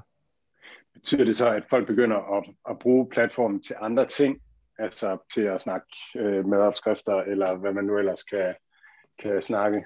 Jeg har set nogle, øh, jeg har set nogle chatgrupper på forskellige ting, øh, noget sport og så videre. Jeg, jeg har ikke lige set nogen på madopskrifter endnu. Øh, jeg tror faktisk, jeg tror måske, jeg så en på poker faktisk. Øh, så, så, så der, der har været lidt af det.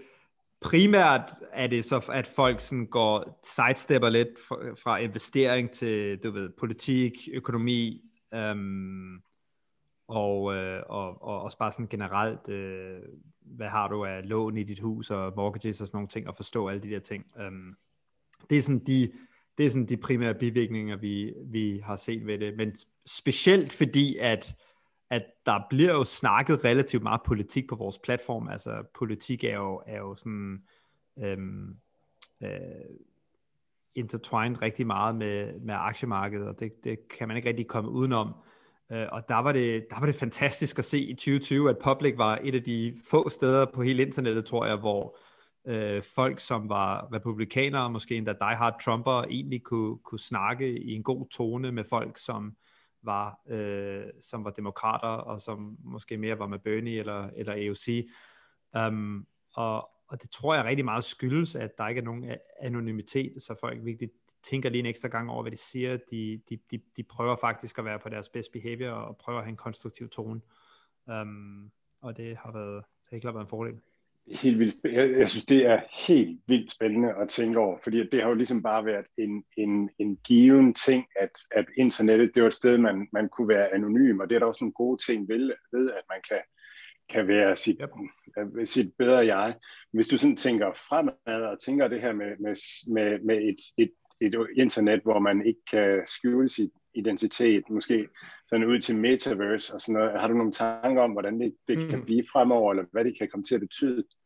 Ja, så ja, det er faktisk, det er et rigtig spændende område. Jeg var på en, en anden podcast i, i går med, uh, som er en, en New York Times podcast, og Sway, som er hostet af Kara Swisher, som er en af de her ikoniske tech-journalister. Øh, uh, og, og netop som, uh, altså som startede med interview Steve Jobs og Bill Gates og sådan noget back in the day. Og hun, hun sagde faktisk selv, at hun sådan, hun har, hun har altid tænkt, hun har altid forbundet internettet med anonymitet og, og set, det var en god ting.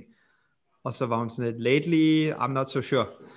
Og jeg tror, at du kommer til at se måske et, uh, en countertrend på det, fordi uh, selv hvis du kigger på crypto-spacet, um, der er rigtig mange, der er begejstrede omkring Bitcoin, um, men anonymitet er i virkeligheden en af de dårligste features efterhånden. Fordi jeg, jeg synes, at det er fint at tilbyde krypto, og vi Øh, vi arbejder faktisk på at få forskellige crypto assets ind på public platformen nu. Det er noget, vi har annonceret, vi vil, vil, vi vil rulle ud uh, snart. Så, um, men, men anonymiteten er der, hvor uh, folk begynder at bruge bitcoin til alle mulige ulovlige ting og sager og så videre. Så jeg tror, jeg tror folk begynder at tænke sådan lidt, um, er, det, er det en feature, eller er det en bug, altså anonymiteten i, i forhold til internettet. Um, og jeg tror historisk set har man set det som en feature, og nu tror jeg, man begynder at tænke lidt mere over alle de, øhm, alle de, alle de downsides, der er ved det. Ja, Janne, jeg har været inde og lure lidt, og øh, man har ikke så meget adgang her fra, øh, fra, fra, i hvert fald fra Indien, hvor jeg sidder, der skal man helst taste noget øh, telefonnummer eller noget, inden man så rigtig kommer ind, men man kan godt komme ind, så der, der var på et tidspunkt, hvor jeg var inde, jeg tror faktisk, det var din profil, og det fungerer sådan, så, så vidt jeg har forstået, at når du så laver dit under dit navn, så for eksempel, så står der så, hvilke aktier du ejer, Øhm, og jeg kan også se, at de har en del i enten ejerkredsen eller som, som øh, aktiv bruger af, af platformen nogle, øh, nogle kendte, øh, Will Smith tror jeg der var, og, og Tony Hawk også. Øhm, og jeg sidder sådan lidt og tænker, det er jo klart, at, at kendte mennesker har jo en, en stor magt nu, fordi at, at de har så en stor følgeskar på, på de sociale medier.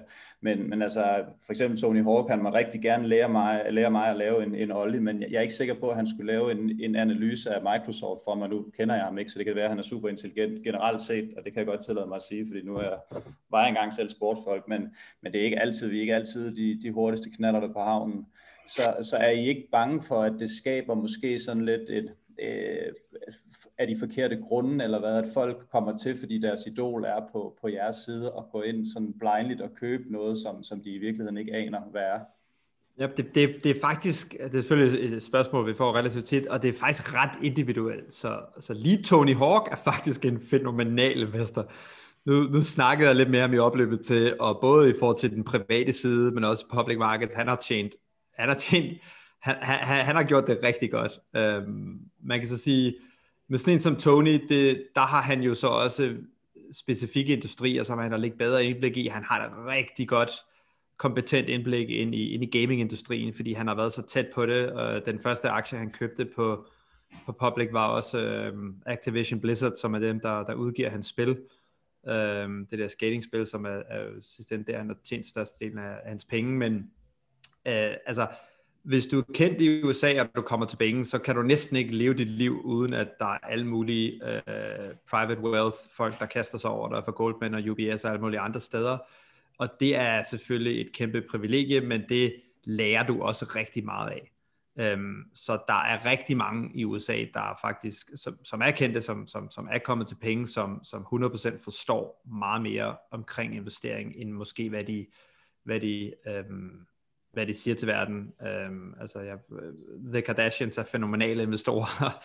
øh, Paris Hilton har også været det. Altså, så øhm, så det er ikke så det er ikke så lige til, som man, som man faktisk tror. Øhm, I mange af de her tilfælde, når vi snakker med dem, så siger det, jamen, jeg har været i en privilegeret position, jeg har opbygget den her formue, og via det har jeg lært at investere, og jeg vil bare gerne dele af min erfaring, og alle har en, en, deres egen sådan en investeringsjourney, Øhm, og, og det er øhm, det, det er ret unikt øh, for folk. Der er så også folk som, øh, som Iskra Lawrence, øh, øh, supermodellen, hun, hun kom bare ind på platformen og var sådan, jeg er helt ny, jeg er jeg, jeg har ingen idé om, hvad der foregår her, men øh, nu vil jeg bare gå på den her øh, gå på den her rejse og begynde at, at investere øh, åbent, og jeg vil lære, øh, jeg vil dele ud af mine erfaringer, uanset om jeg uanset om jeg tjener penge, om jeg taber penge på nogle investeringer, så hun har sådan en helt mini-movement inde i appen nu, med folk, der sådan følger hende, når hun laver en ugenlig update, og hun lægger nogle forskellige surveys ud, hvad folk tænker om forskellige ting, så hun bruger det lidt mere til at crowdsource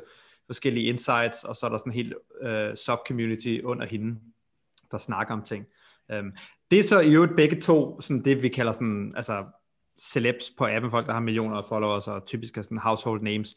Øhm, hvad der faktisk er meget mere interessant er øhm, en anden kategori, det vi kalder financial content creators, som er lidt mere sådan mellemklassen i, i creator-økonomien, hvor øhm, det er folk, som er øhm, ekstremt specialiseret inden for øh, et firma, inden for en sektor, øh, eller måske bare inden for, inden for personal financen generelt. Øhm, og det er jo så, dem er der jo så mange flere af øh, på appen, og vi har faktisk, øh, altså vi har jo set folk nu, som kom ind og egentlig bare havde det som en hobby, at de, de, øh, de godt kunne lide øh, elektriske biler, og de kigger rigtig meget på Tesla og nogle af de andre, og nu har de 100.000 vis af followers på appen, øhm, og fordi at de simpelthen bare har brugt tiden til at læse der, de, de filings derude, ligesom prøver at break det content ned på en måde, som, hvor folk kan forstå det, fordi meget af det content, der bliver lavet med alle de filings, det er jo sådan skrevet af advokater og bankers, så det er jo skrevet til et audience, som typisk er institutionelle investorer, og det er måske ikke så, så læsevenligt.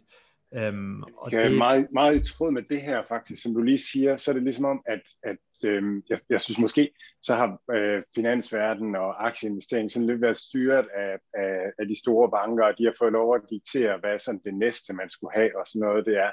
Men nu, nu siger du, at, at der er op til, hvad sagde du, 40 procent eller sådan noget af, af volumen af, af private. Ja. Og sådan noget, at, altså, her i Danmark er der nogle eksperter, der siger, at det er et tegn på, at vi er i en boble. Øh, men, men det kan også være et tegn på, at, at de private er ved at disrupte øh, øh, hvad skal man sige, den, den, den magt, som, som, øh, som investeringsbankerne havde før. Hvad, hvad tænker du om det? Jamen, jeg, jeg tror, at det kan jo godt være begge dele. Ikke? Altså, der, øh, der er en eller anden form for boble i, i økonomien lige nu i Amerika, men det er ikke en, det er ikke en, det er ikke en traditionel boble, fordi at, at den er den er skabt af nogle helt andre årsager end, end, end, end, øhm, end de bobler, der har været tidligere, øhm, typisk på grund af covid og alle de stimulus øh, penge, der er gået ud. Altså man har mailet folk 10.000 vis af kroner øhm, for at sådan holde dem på benene, øhm, men så har man så ikke rigtig haft tiden til at overskue, hvem det er det, der skal få de penge, så dem, der allerede sådan havde penge, som, som ikke havde nogen problemer under, under, under covid, de har så også fået de penge, og de har så måske smidt dem i markedet. Ikke? Øhm, men generelt set, så er der en strukturel ændring i markedet, fordi barriererne er kommet ned øh, til et punkt, hvor de, de ikke rigtig eksisterer længere, hvilket betyder, øh, at, at, at private investorer er, er flokke ind på markedet, og, og det er noget, jeg ser fortsætte, fordi at, øh, altså faktisk, når markedet er nede, de dage, hvor markedet er nede, det er der, vi ser, at folk egentlig øh, laver flest indskud på platformen. Øhm, og det går måske hånd i hånd i, at vi har en lidt yngre, yngre brugerbase. Jeg tror, vores gennemsnitskunde er 1-32 år, sådan noget lignende. Men, men, øhm, men det er jo også et tegn på, at folk er langsigtede investorer, og de ligesom ser det som en god... Øhm, altså, det er jo ikke fedt bare at købe på all-time highs hele dit liv, og så ende med et portefølje, som kunne have været lidt bedre, hvis du havde øhm, du ved, købt ind på nogle lidt mere regelmæssige tidspunkter, og ikke kun på all-time highs. Øhm, og det er helt klart noget, jeg tror, der er kommet for at blive. Jannik, vi, øh, vi skal ikke stjæle mere af din tid. Det har været øh, en udsøgt fornøjelse at snakke med dig. Du må øh, ind på foran computeren, hvis du ikke allerede er det, og gå i gang med at, øh, at forberede det her til, til Danmark, så masser af mig kan, kan komme over på, øh, på din platform. Jeg, øh, jeg er i gang med at skrive allerede nu en, en mail til Søren Bankmann om, at, øh, at jeg skrider snart. Så øh, på den note tror jeg kun, der er at sige ja, endnu en gang tusind tak, fordi at, at du gad at, øh, at deltage i vores lille ydmyge projekt her, og, og ja, kæmpe, kæmpe held og lykke, øh, og vi, vi vil selvfølgelig følge dig øh, og, og jer rigtig tæt i, i den kommende tid, og, og ja, ønsker alt det bedste. Ja, tusind tak, Jannik. Jeg er kæmpe fan af jeres projekt. Jo tak, det var, det var fedt. Det var hyggeligt. Um, jeg er glad for, at I, I gad have mig på her. Så tak for det. Sikke, sikke spændende at høre uh, Jannik fortælle om sin, ja, sin rejse og som, om sin virksomhed. Og uh, ja, det er, det, det er helt stærke sager. Hvad, hvad, hvad tager du med herfra, Mads? Jamen, et, et, virkelig et par ting. Og, og, øhm, og, og ja, det der med approachability, Altså det her med, hvor, at, at måske er det ikke det her med, øh, med, med, med hvor meget kortager, der gør, at private ikke kan investere. Øh, måske er det rigtig meget det her med at, at, at, at have selvtillid til at komme i gang med aktiemarkedet og, og finde den øh, rigtige strategi. Og der tror jeg egentlig, at, at, at sådan noget som vores lille projekt her også øh, gør, noget, gør noget godt for, for folk. Øhm, og så tror jeg også, at, at det som Jannik også gør op med med hans platform, den her, øh, som jeg kalder køb billigt og selv dyrt strategi, alt det man lærer, at man med fundamental analyse og teknisk analyse skal, skal, skal købe aktier billigt og så sælge dem dyrt. Altså det tror jeg virkelig, der er mange private, eller mange nybegyndere, der, der, der, der, der slår sig på. Øhm, jeg, jeg holdt et webinar for, for Jeff her i sidste uge, og så, øh, og så startede jeg med et, det første billede, det var et billede af Gus Hansen, der sad ved et pokerbord. Og så var min overskrift, vil du spille om penge med ham her? Og så tænkte man selvfølgelig, nej, det vil jeg ikke. Og så det næste billede, det var så et billede fra sådan et trading room, hvor der sidder en, en flok, øh, flok fyre med, med Red Bull og alt sådan noget, og de har otte computerskærme hver med grafer og så videre. Ikke? Og så var min overskrift, vil du spille om penge med dem her?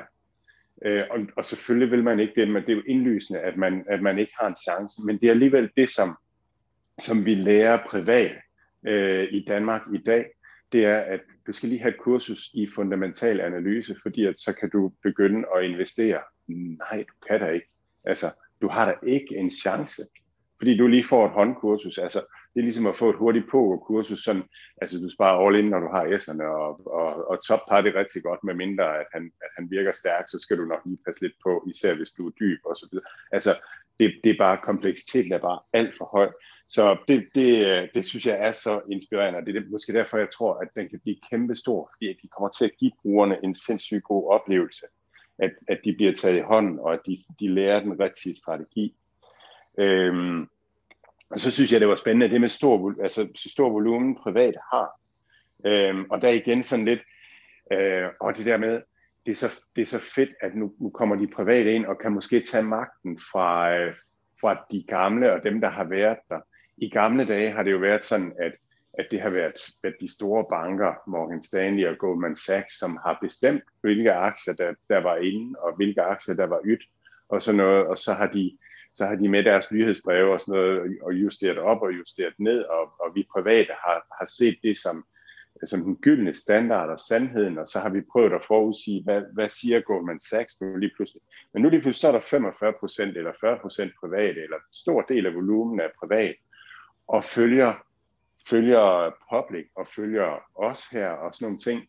Og så, og så, så siger vi lidt, ja, det kan godt være, at de andre synes, at vi skal købe value lige nu, men det gør vi egentlig ikke, fordi vi, vi tror mere på, på, på noget andet, eller, eller sådan noget. Ikke? Og det der oprør, det, jeg synes, det er så fedt, og jeg er virkelig spændt på, hvordan det sådan kommer til at, øh, at, at, at spille sig, altså at, at ende øh, med det hele. Øh, så der er noget omkring, omkring, at måske er vi private ved at ændre spillet, altså lave en game changer. Det er ligesom i poker, hvis, hvis man nu kunne ændre reglerne bare, altså spille med Goss Hansen, så kunne man jo godt. Men, men lige nu, aktiemarkedet har jo ingen regler, men alligevel så har vi spillet efter de regler, som, som de store, altså store investorer, professionelle investorer har haft, når de har sagt, at nu skal vi i value, jamen så skal vi i value, og sådan nogle ting. Så vi har bare, vi har bare fulgt dem. det synes jeg er, er super spændende, øh, hvad, der, hvad, der kommer til at, øh, hvad der kommer til at ske øh, med det. Så øhm, ja, så, så alt i alt er det, er det, er det bare, og så synes jeg, at det, den allerstørste sådan, ting for mig, det har været den her tanke med, at synes, internettet, at jeg har altid taget det som givet, at anonymitet var en, en okay ting på internettet, og at det var, det var en del af internettet, at man kan være anonym på det. Og så lige pludselig så er der det her certificerede netværk, hvor man, der kan man ikke være anonym, og det kan jo virkelig godt være en fremtid for internettet, at man ikke kan være anonym der. Det synes jeg er fuldstændig mindblowing spændende. Så det kommer jeg til at følge meget på. Hvad med dig, Mathias? Hvad tager du med? Eller hvad? Lige en kommentar til det her, du, du nævner, at det her, at, at det her public øh, måske er med til at kunne gøre det trendy at investere for unge mennesker, netop fordi den her social media del er integreret i det, fordi at alle, øh, altså alle der har der børn, nu har jeg ikke nogen selv, men de ved jo, at deres teenagebørn, det eneste de kører efter, det er deres mor og far, men hvis de nu kan finde frem til, at andre også begynder at investere, og man netop kan investere for 10 dollar og 20 dollar og sådan nogle ting, så, så er det jo noget, som er med til at gavne fremtiden for unge mennesker, fordi at vi ved ikke, hvor, som vi snakker om mange gange, vi ved ikke, hvor vi skal hen i morgen, eller om to uger, om tre uger, men vi ved, at, at der er en rigtig stor sandsynlighed for, at Apple-aktien er højere om 10 år, end den er i dag. Og hvis man kan få, få unge mennesker i, ja, nu går jeg ud fra, at man skal være 18 år for at få lavet en konto ved dem, men hvis man kan få unge mennesker i den alder til at investere, så har man jo allerede et, et rigtig godt udgangspunkt. Så, så jeg tror, den løser et problem, det der med, i stedet for at bruge øh, pengene på, på slotsøl, eller hvad man drikker i, øh, i, øh, i USA, så, så, så det her med at kanalisere pengene over, og det er jo den der feeling, vi også har, at jamen, åh, der er så mange spændende aktier, bare jeg havde alle de penge i hele verden, ikke fordi jeg så skulle købe privatfly, men jeg ville så gerne købe så mange forskellige aktier, jeg har ikke fået købt Amazon, åh, det kunne også være fedt at eje den her, og det her, ja. så, så tror jeg, man, man kanaliserer sine penge mere fornuftigt, og, og uanset hvad, så, så ved man i hvert fald, at der er en relativ chance, større chance for at få, øh, få sine penge til at vokse, hvis man køber aktier, end hvis man køber, køber øl. Ikke, øh, ikke fordi man ikke øh, skal have lov at gøre det en gang imellem, men, men alt er relativt, og jeg tror, at, at den her tendens, det, det er måske et problem, som de kan være med til at løse. Det, det ser jeg i hvert fald som en, en kæmpe fordel for, for unge mennesker, at, at flere kunne blive interesseret for, for det her, fordi at, ja, både du og jeg ved jo, man får kæmpe lir på at, at lave det, og, og samtidig er det også fornuftigt.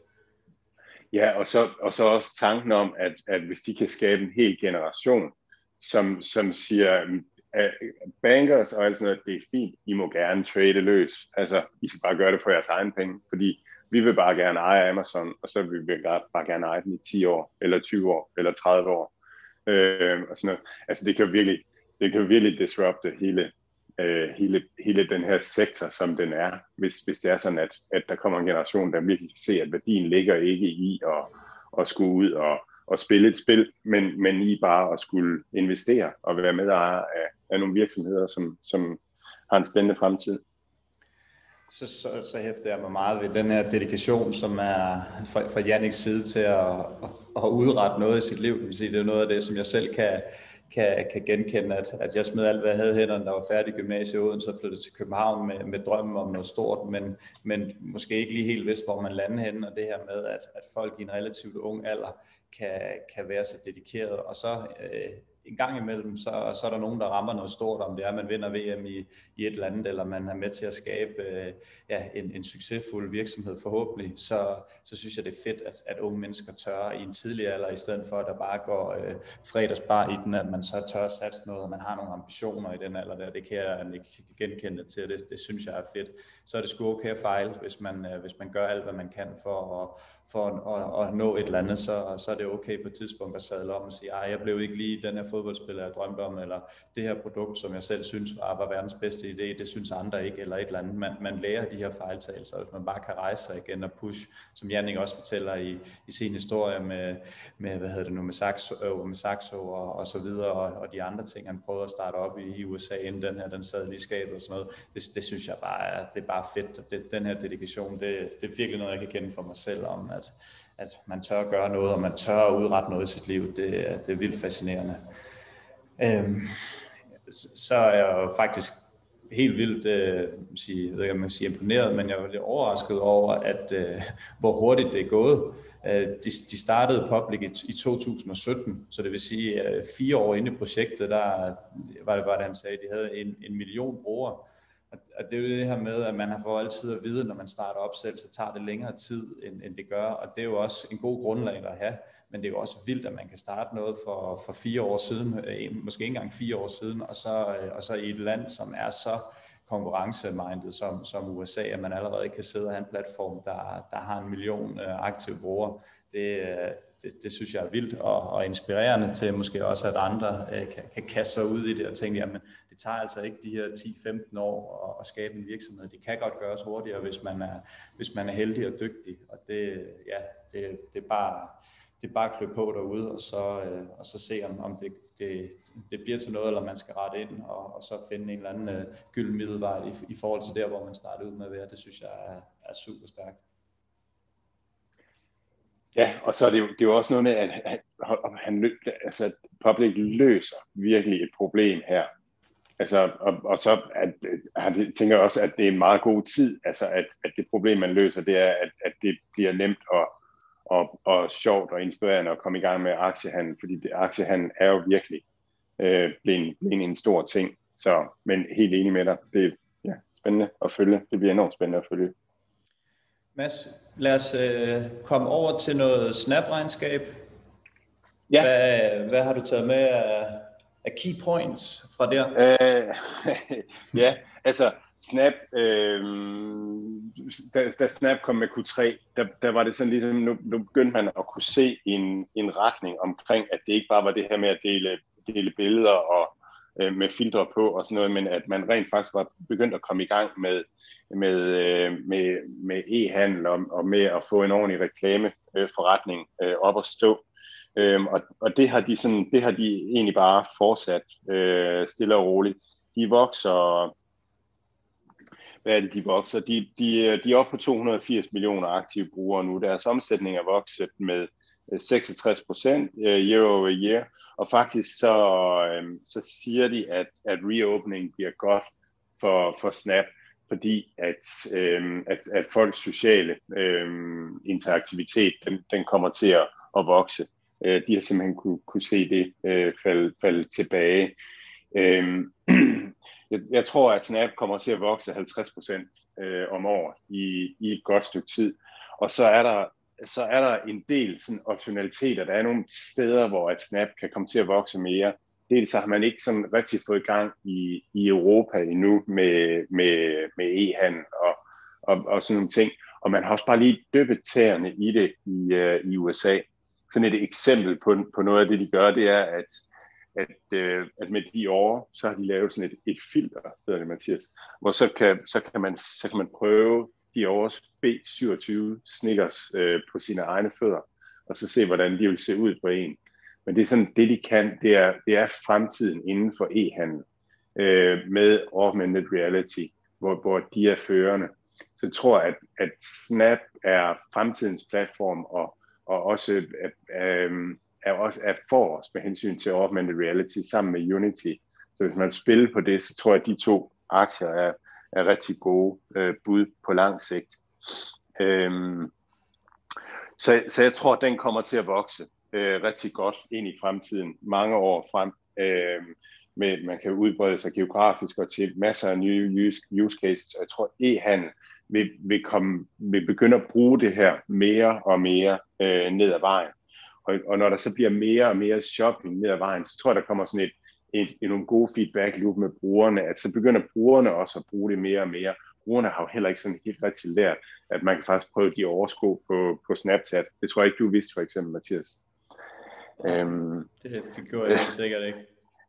Men, men øh, hvis man så ser på prissætningen, så, øh, så koster Snap øh, 20 gange øh, næste års øh, EV sales.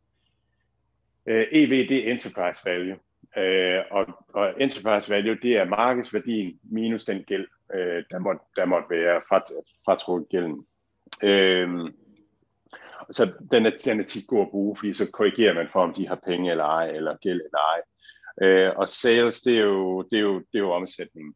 Så, og vi er jo vant til at snakke PE-værdier, altså hvor det er earnings, altså bundlinjeresultatet, men her der er det altså sales, der er øh, øh, EV sales eller price sales, der, der er 20. Det er helt vildt højt.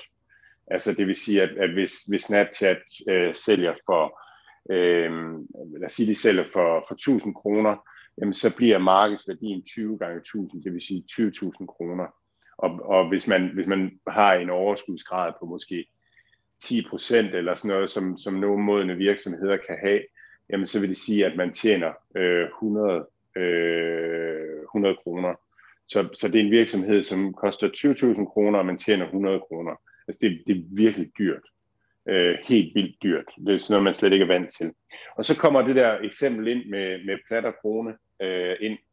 Og, og eksemplet der, det var, at, at hvis, hvad, hvad, hvad, hvad kommer til at, at ske øh, hurtigst? Er det, at man, eller kommer til at ske lige hurtigt, at man, når man slår med en mønt, at man så slår krone, og bagefter en krone, eller krone, og bagefter en plat. Og, og svaret på det, det, det, er, det er faktisk, at det er meget, meget mere sandsynligt, at man slår krone først, og bagefter plat. Og det er fordi, hvis man, hvis man ser på, øh, hvis man ser på, på startstadiet, man starter med, med ingenting, så slår man første gang. Hvis man slår en plat, så, så er man ikke i position til at komme i mål øh, i nogle af tilfældene. Men hvis man slår en krone, så er man i position til at komme i mål i begge tilfælde. Hvis det næste, hvis det næste slag så bliver en, øh, hvis næste slag så igen bliver en krone, jamen så kommer den ene i mål, den der skulle være krone-krone. Øh, men den anden har faktisk mulighed for at komme i mål næste gang. Hvis, hvis den næste bliver en plat, så vil, så vil den, hvor det skulle være krone-plat, komme i mål, men den anden er slået helt tilbage og har ikke mulighed for at komme i mål næste gang. Så, så det, der, det, jeg synes, der er så spændende ved det her, det er, at, at, øhm, at det gælder om at man, at man er, at man er i en, tænker, tænker en kædereaktion, og så tænker, at uanset hvad der sker, så vil jeg være i en position til at vinde, også næste gang. Så, hvis, hvis, så min strategi med Snap nu, og det jeg synes virker rimeligt, det er, altså jeg tror, det bliver en aktie, som, som vil være dyr fra nu af, og så, øh, og så de næste 10 år. Men jeg tror, det bliver vinderen inden for, en af vinderne inden for e-handel derude, inden for virtual og augmented reality. Så, så jeg tror, den er fin at, at have også til den her prissætning. Men så kan man jo sige, hvis man er sikker på, at den bliver det, så, så, så skal man prøve at bringe sig i en situation, hvor man vinder, uanset hvad det næste, der sker, er. Og det vil være at købe for en tredjedel, for eksempel, af det, man gerne vil have. Fordi hvis aktien stiger, så vinder man. Og hvis aktien falder, så, kan man, så bringer, er man også i en position til at vinde, fordi så man køber for den næste tredjedel. Og så kan man købe for den næste, så har man stadigvæk en tredjedel tilbage, hvis det er sådan, at aktien crasher helt.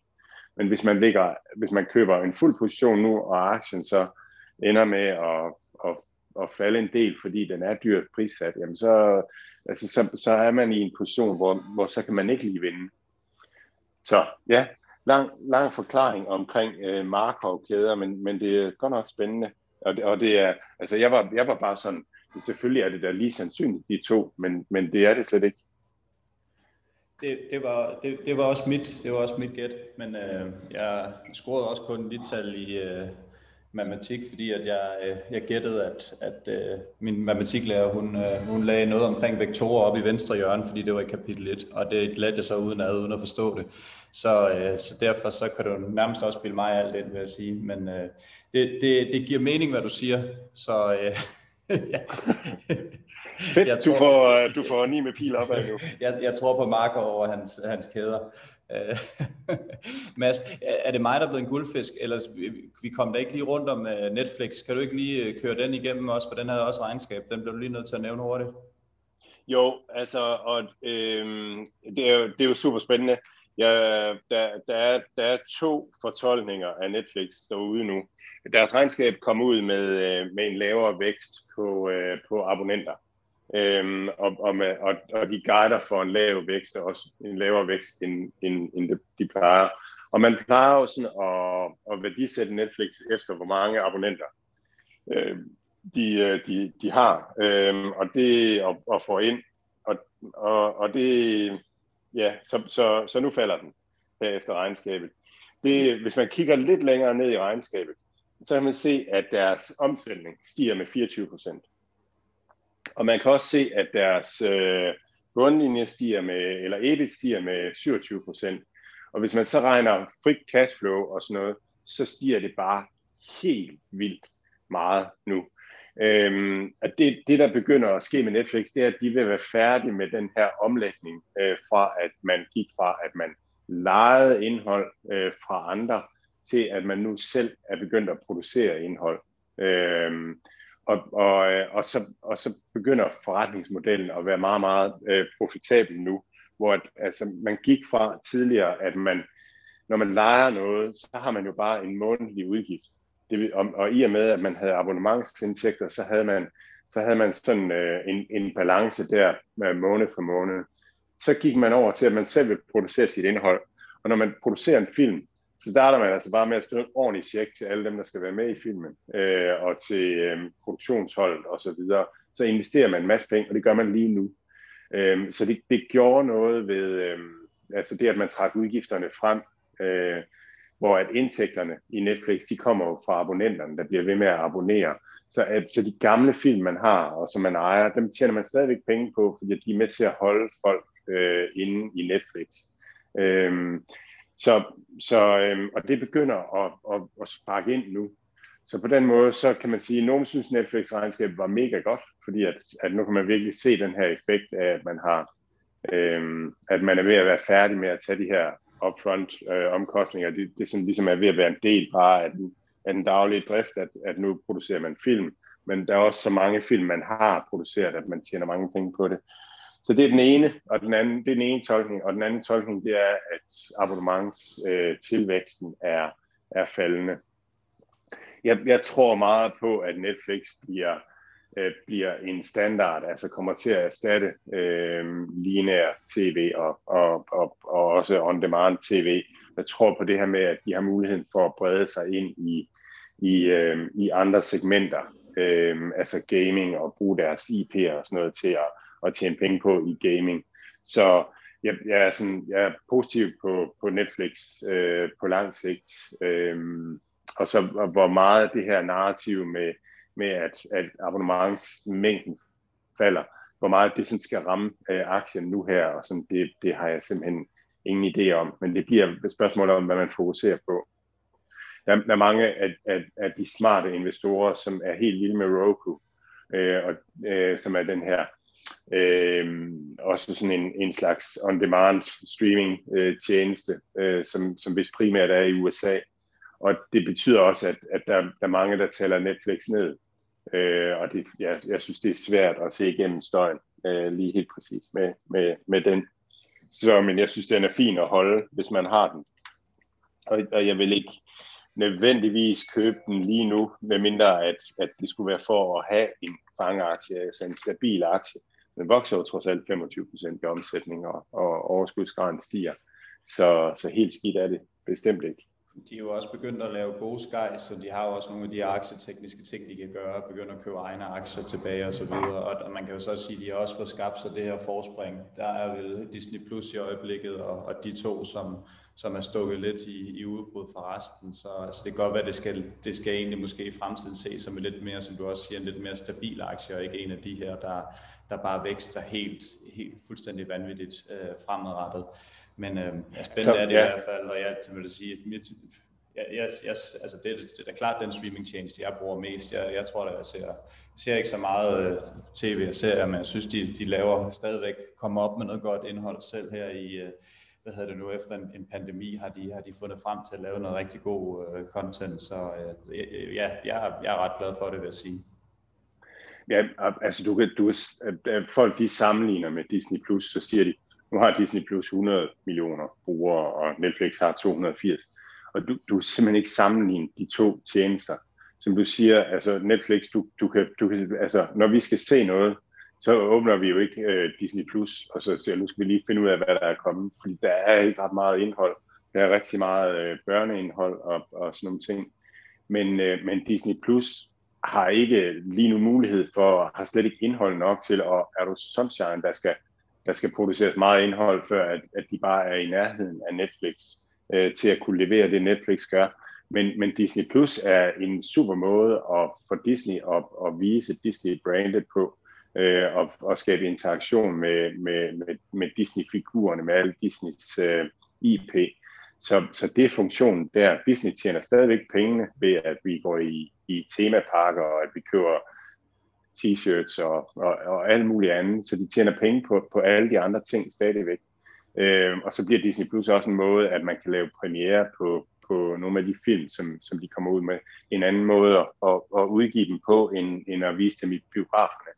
Men Netflix er den her tjeneste, som har det her kæmpemæssige indholdskatalog, og som har en produktion af nyt indhold, som bare er meget større end, end noget andet øh, derovre. Så, så øh, det er to forskellige forretningsmodeller i, i min øh, optik øh, fordi Disney Plus ikke skal tjene penge på at, at være en abonnementsservice, men, men mere på, på alt det andet. Det er bare en, en del af, af hele, hele øh, Disney-franchisen. Øh, Mads, lad os komme over til den her Mohawk Group. Øhm, du må lige starte ud med at fortælle, hvad, hvad det er, de laver. De laver, øh, det er en, en e-handels øh, virksomhed. De, øh, de, de, de, øh, de, de monitorerer efterspørgselen på Amazon. Øh, 75% af søgninger på Amazon, der er ikke et brandnavn med. Øh, så der, der søger man efter et produkt med nogle bestemte øh, specifikationer. En brødrester, der kan øh, varme gulerodsboller uden at, at brænde de der øh, gulerods øh, ting af, eller, eller hvad det nu kan være. Det er bare sådan, det, det er et produkt, man søger. Genialt øh, produkt. Jo, måske du ja, gå med ja. den. men, men Mohawk, øh, de, så når de har fundet ud af, at der er en efterspørgsel her, der trender, så, øh, så, så laver de produktet. Og så, øh, og så imødekommer de den efterspørgsel, der er. Hvis der er et produkt derude, så, så ser de på, er det, er det et produkt, vi kan købe? Fordi der er en efterspørgsel på det, og så, så kan det være, at de køber det. Så de, de ejer produkter. Og så, øhm, og så når de har produkterne inde, så har de, de er, det er en tech-virksomhed, virkelig en tech-virksomhed jamen så har de, øhm, så produkterne, så, så kan det være, at de skruer op for markedsføringen og holder prisen konstant, ser hvad giver det? Og det kan være, at de skruer ned for markedsføringen og, og, og skruer ned for prisen også, og så ser de, hvad giver det? Der giver den største øhm, øh, contribution margin, hedder det på, på engelsk. Altså hvis man tager alle udgifter med omkring produktion og salg af en brødrester, hvad, øh, hvad er så bedst? Er det bedst at køre med høj markedsføring øh, og normal pris, eller med lavere pris og lavere markedsføring. Og sådan nogle ting, så de optimerer real time alt omkring salg. Så optimerer de logistikken, øh, har helt fuldstændig styr på, hvad koster det at levere den her vare i Wisconsin. Øh, og, og, og der er en af de pointer, de når frem til, det er, at hvis pakkerne er store fysisk, så er det bedre at gøre det via egen logistiknetværk, men hvis, mens hvis de er små, så er det bedre at gøre det via uh, Fulfillment by Amazon. Så, øh, så de optimerer alting men, men omkring produktet. Øhm, og, og det er bare en, en ny, øh, det er den næste generation af, af virksomheder. Hvis man sådan ser tilbage og så ser, hvad, hvad har funktionen af, af Amazon været, og af Shopee i Sydøstasien, Taobao og Mercado Libre? Jamen det har været, at de matching-platforme, de matcher et et produkt med, med, med forbrugeren. Øh, og det har betydet, at små mom and pop stores og folk med gode idéer, geogeoløse og sådan noget, de har kunne konkurrere med de her store øh, øh, brands derude. Altså, hvis, hvis det er sådan, at man skal bruge en... Øh, ja, bruge et køkkenredskab, jamen så, så, så i gamle dage, så vidste man, at man skulle have det og det mærke for at få det rigtige køkkenredskab. I dag, der, der søger man på nettet, og så, så søger man også lidt på kvalitet og sådan noget videre, men, men det behøver ikke at være et brand, man kan godt bruge et eller andet tilfældigt. Så, det, så derfor så, så jeg tænker på jeg tænker på Amazon og Shopee som matching platforme, altså ligesom ligesom øh, dating.dk eller Tinder eller sådan noget, der matcher øh, to forskellige brugergrupper. Og nu, nu kommer, så det har gjort det muligt for, for alle mulige mom and pop stores opfinder at konkurrere med de store brands og vokse op. Men det de ikke kan alligevel, det er, at, at de står selv i kælderen og pakker de her produkter, eller de har ikke skala på at pakke produkterne.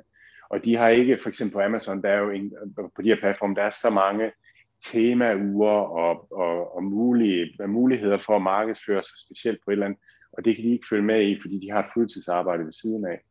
Øhm, så, så, så deres, altså som, som Mama Pop Stores, de, deres, mm, der, deres håndtering af produktet er, er mangelfuld, og det gør, at produktet ikke tjener, ikke, ikke op, udlever sit fulde potentiale. Og det gør det, når det kommer ind i Mohawk Group. Og det betyder, at et produkt, som, som måske, mm, hvis man tager alle udgifter med og tid og så videre, som, som måske ikke tjener særlig mange penge, lad os sige, at bare for at bruge de her tal, så siger at, at PE er 10 øh, på det her produkt, når det er i Mom Pop Store, så kan det være, at PE kommer ned og være 1 eller 2, når det kommer ind i Mohawk Group på det her produkt. Så det betyder, at Mohawk Group kan, kan købe de her produkter op øh, til en relativt billig penge i forhold til, hvad de er værd, når de er inde i Mohawk Group. Og det er sådan en, en, en, en roll-up strategi. Og det har vi set i gamingbranchen med Embracer og EG7 og Sordic og Stillfront. Øh, har, har gjort det her med at købe små spilstudier op, og så, så fordi at det er bare er bedre at have den her organisation, der kan alting med data og har styr på det hele, jamen så, så bliver de spilstudier lige pludselig mere værd.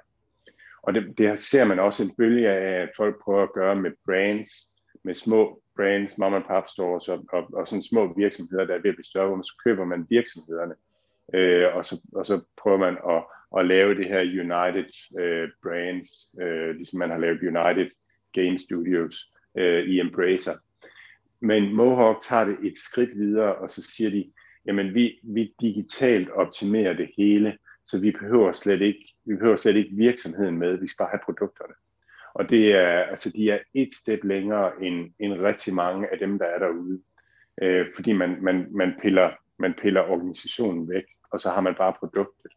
Så det er, det er United uh, Products, og så er det hele digitalt optimeret. Så det er sådan en, det, det er første gang, jeg sådan, at det går op for mig, at der er nogle digitale virksomheder, som, som alene arbejder fra, fra produktets point of view og, og med at optimere alt over på produktsiden øh, for at imødekomme den efterspørgsel, der er. Og det, og det, øh, der er den største, der er derude, det er en, der hedder Thrasio. Jeg mener, den er kanadisk. Og der er snak om, at de går på børsen her i løbet af, af et til to år. Og, og de, de øh, uh, races, der har været i Thrasio, de er til, til noget højere uh, price sales værdier end, end, uh, end Mohawk Group. Jeg mener, Mohawk handler til en price sales på omkring 1,8 eller sådan et eller andet. Og jeg tror, at, at Thrasios øh, races, de har været til, til omkring 4, øh, noget i den stil. Så det vil sige, at hvis Thrasio kommer på, på, på børsen, altså, så, vil, så vil Mohawk komme til at fremstå meget, meget billig. Øhm, der, er sådan nogle, der er nogle bekymringer omkring øh, Mohawk Group. Øh, en af dem det er, at man er meget afhængig af Amazon. At man kun er på, på Amazon. Og så er folk bange for, at, at Amazon begynder at gøre det samme. Altså der har været snart om det her med, at Amazon bruger, øh, bruger den her data, præcis den samme data, som Mohawk bruger, til at, at lave egne produkter og egen produktlinje. Og der, der skal man forstå, at Amazon er i gang med at ændre sig fra at være en retailer til at være en platform. Så den andel af, af, af, af sælgere, af, altså eksterne sælgeres andel af volumen på Amazon vokser meget. Og det er helt klart, det vigtigste for Amazon, det er, at brugerne får en god oplevelse, så, så de kommer igen ind på platformen. Og det får man altså ikke ved at, at prøve at skubbe egne produkter ned i halsen på brugerne. Det får man ved at sørge for, at, at brugerne får de, de bedste produkter. Så på den måde, så hjælper, øh, så hjælper Mohawk Group egentlig Amazon med at gøre Amazon endnu bedre. Så det, det er jeg ret sikker på, at, at Amazon vil, vil, vil embrace og sørge for, at, at, at også at uh, Mohawk Group og Thrasio fungerer godt på Amazon. Og så er der hele det regulatoriske, altså hvis Amazon begynder på sådan noget der, så, så går politikerne fuldstændig amok. Så det ved de godt, at de ikke skal. Nu, så er der noget snak Ja, ja. Oh, okay. Du får lige 30 sekunder, fordi vi er ved at være tak. mål. Ja, nej, men så, er der, så er der også en bekymring omkring, at man vokser ved at, at udstede aktier, som man, som, man, øh, som man udvander. Og der skal man bare forstå, at, at når at, at uh, Mohawk Group handler til en relativt høj øh, vurdering i forhold til de her mom and pop stores, hvor man køber produkterne fra. Øhm, så, så bare det, at produktet kommer ind i, øhm, produktet bliver købt, købt til en billigere vurdering, øh, og kommer så ind og får så automatisk med det samme en højere vurdering inde i Mohawk Group. Det er det, som, som Embracer og Stillfront har, har gjort rigtig godt. Øhm, og så derudover, så sker der altså en optimering af, af produktet, øhm, af, af hele salgs- og øh, distributions- og også produkt, øh, altså produktionssiden. Så på den måde, så, så, så køber man noget billigt, som, som bliver meget værd med det samme, og så lang tid man gør det, så skaber man bare værdi, også selvom man udsteder aktier. Så jeg synes, det er en mega spændende virksomhed. Øhm, jeg synes, det virker som om, at ledelsen har rigtig godt styr på det. Det er en founder, øh, ledet virksomhed. Så øh, den har jeg købt noget op i, og, og, og tror nok, at jeg skal købe lidt mere op i øh, ned ad vejen. Mohawk... Det var 30 sekunder, cirka. Ja. Mohawk Group Holdings, og tickerkoden den er WK. Øhm, den toppede ud cirka omkring midt i februar, 17. februar, tror jeg, til 47, og den kan handles nu til 23, så øh, vi handler med 50% rabat fra, fra toppen, men kan høre på dig, at den stadigvæk er, er relativt dyr, selvom at den er blevet slicet over i, i to, men øh, findes nu i masses portefølje, så øh, den kan man holde lidt øje med fremadrettet. Øhm, Mads, det blev, øh, det blev også til noget en chance i dag. Vi må hellere... Det blev en, øh, en lang løbetur igen i dag. For, ja, det gør for, det. Det er godt. Vi, ja. øh, vi må hellere lukke den her. Øhm, tak for øh, snakken, gamle dreng, og øh, vi vender selvfølgelig tilbage næste lørdag. Øhm, ja, og øh, god yes. weekend, Mads. Ja, tak i lige måde, Mathias. Tak.